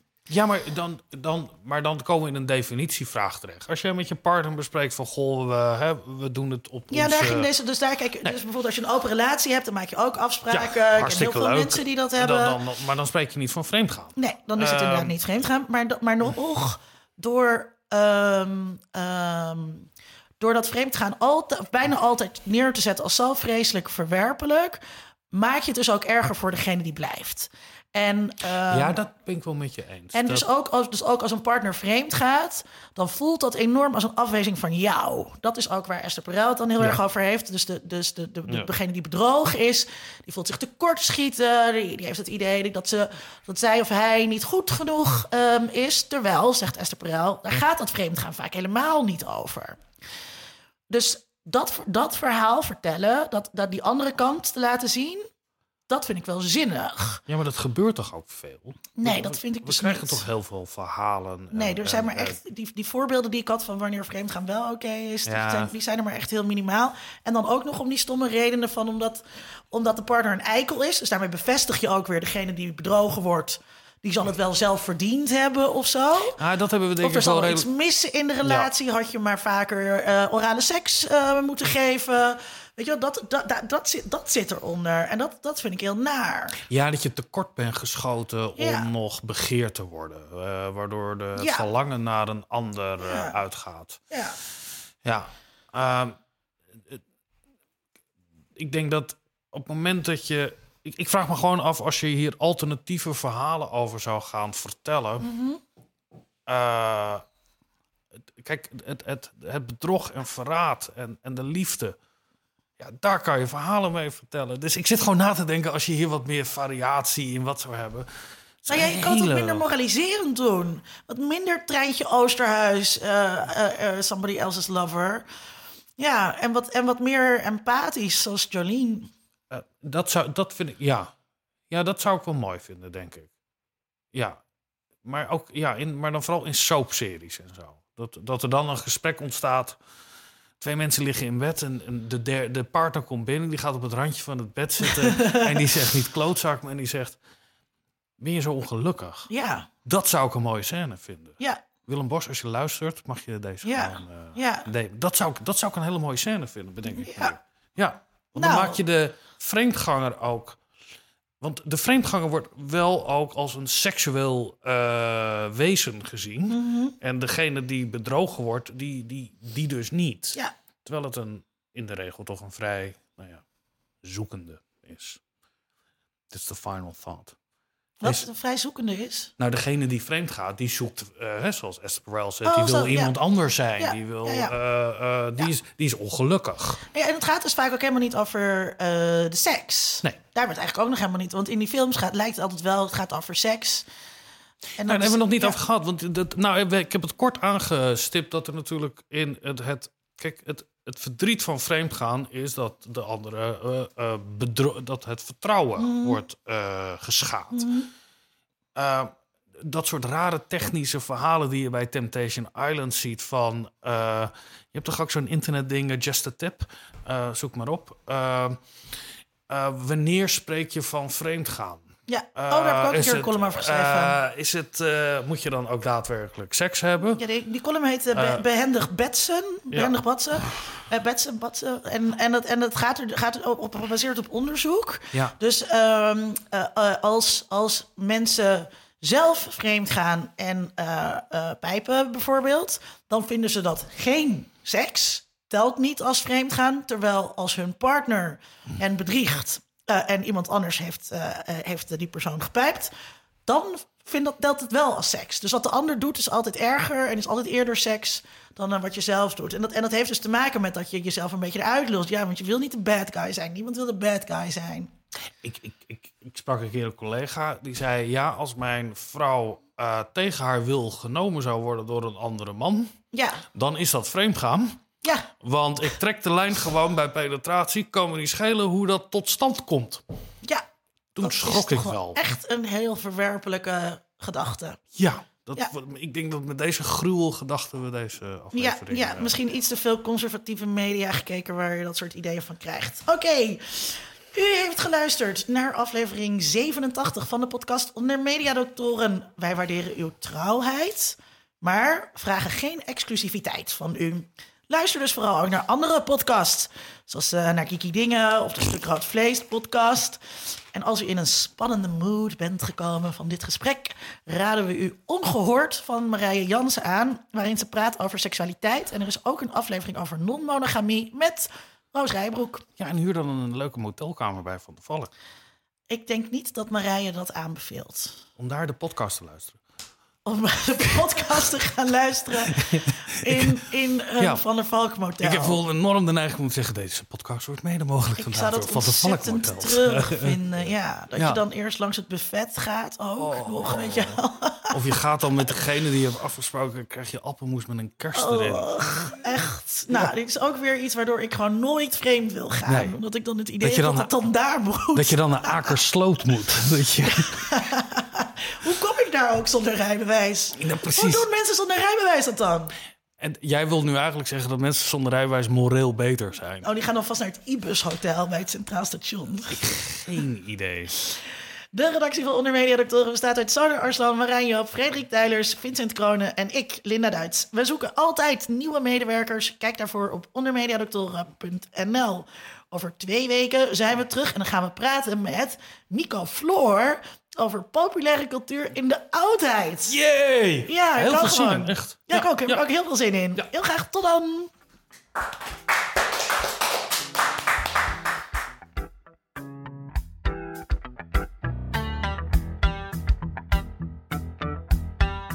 Onder Mediadoktoren is een podcast van Vincent Kronen en Linda Duits.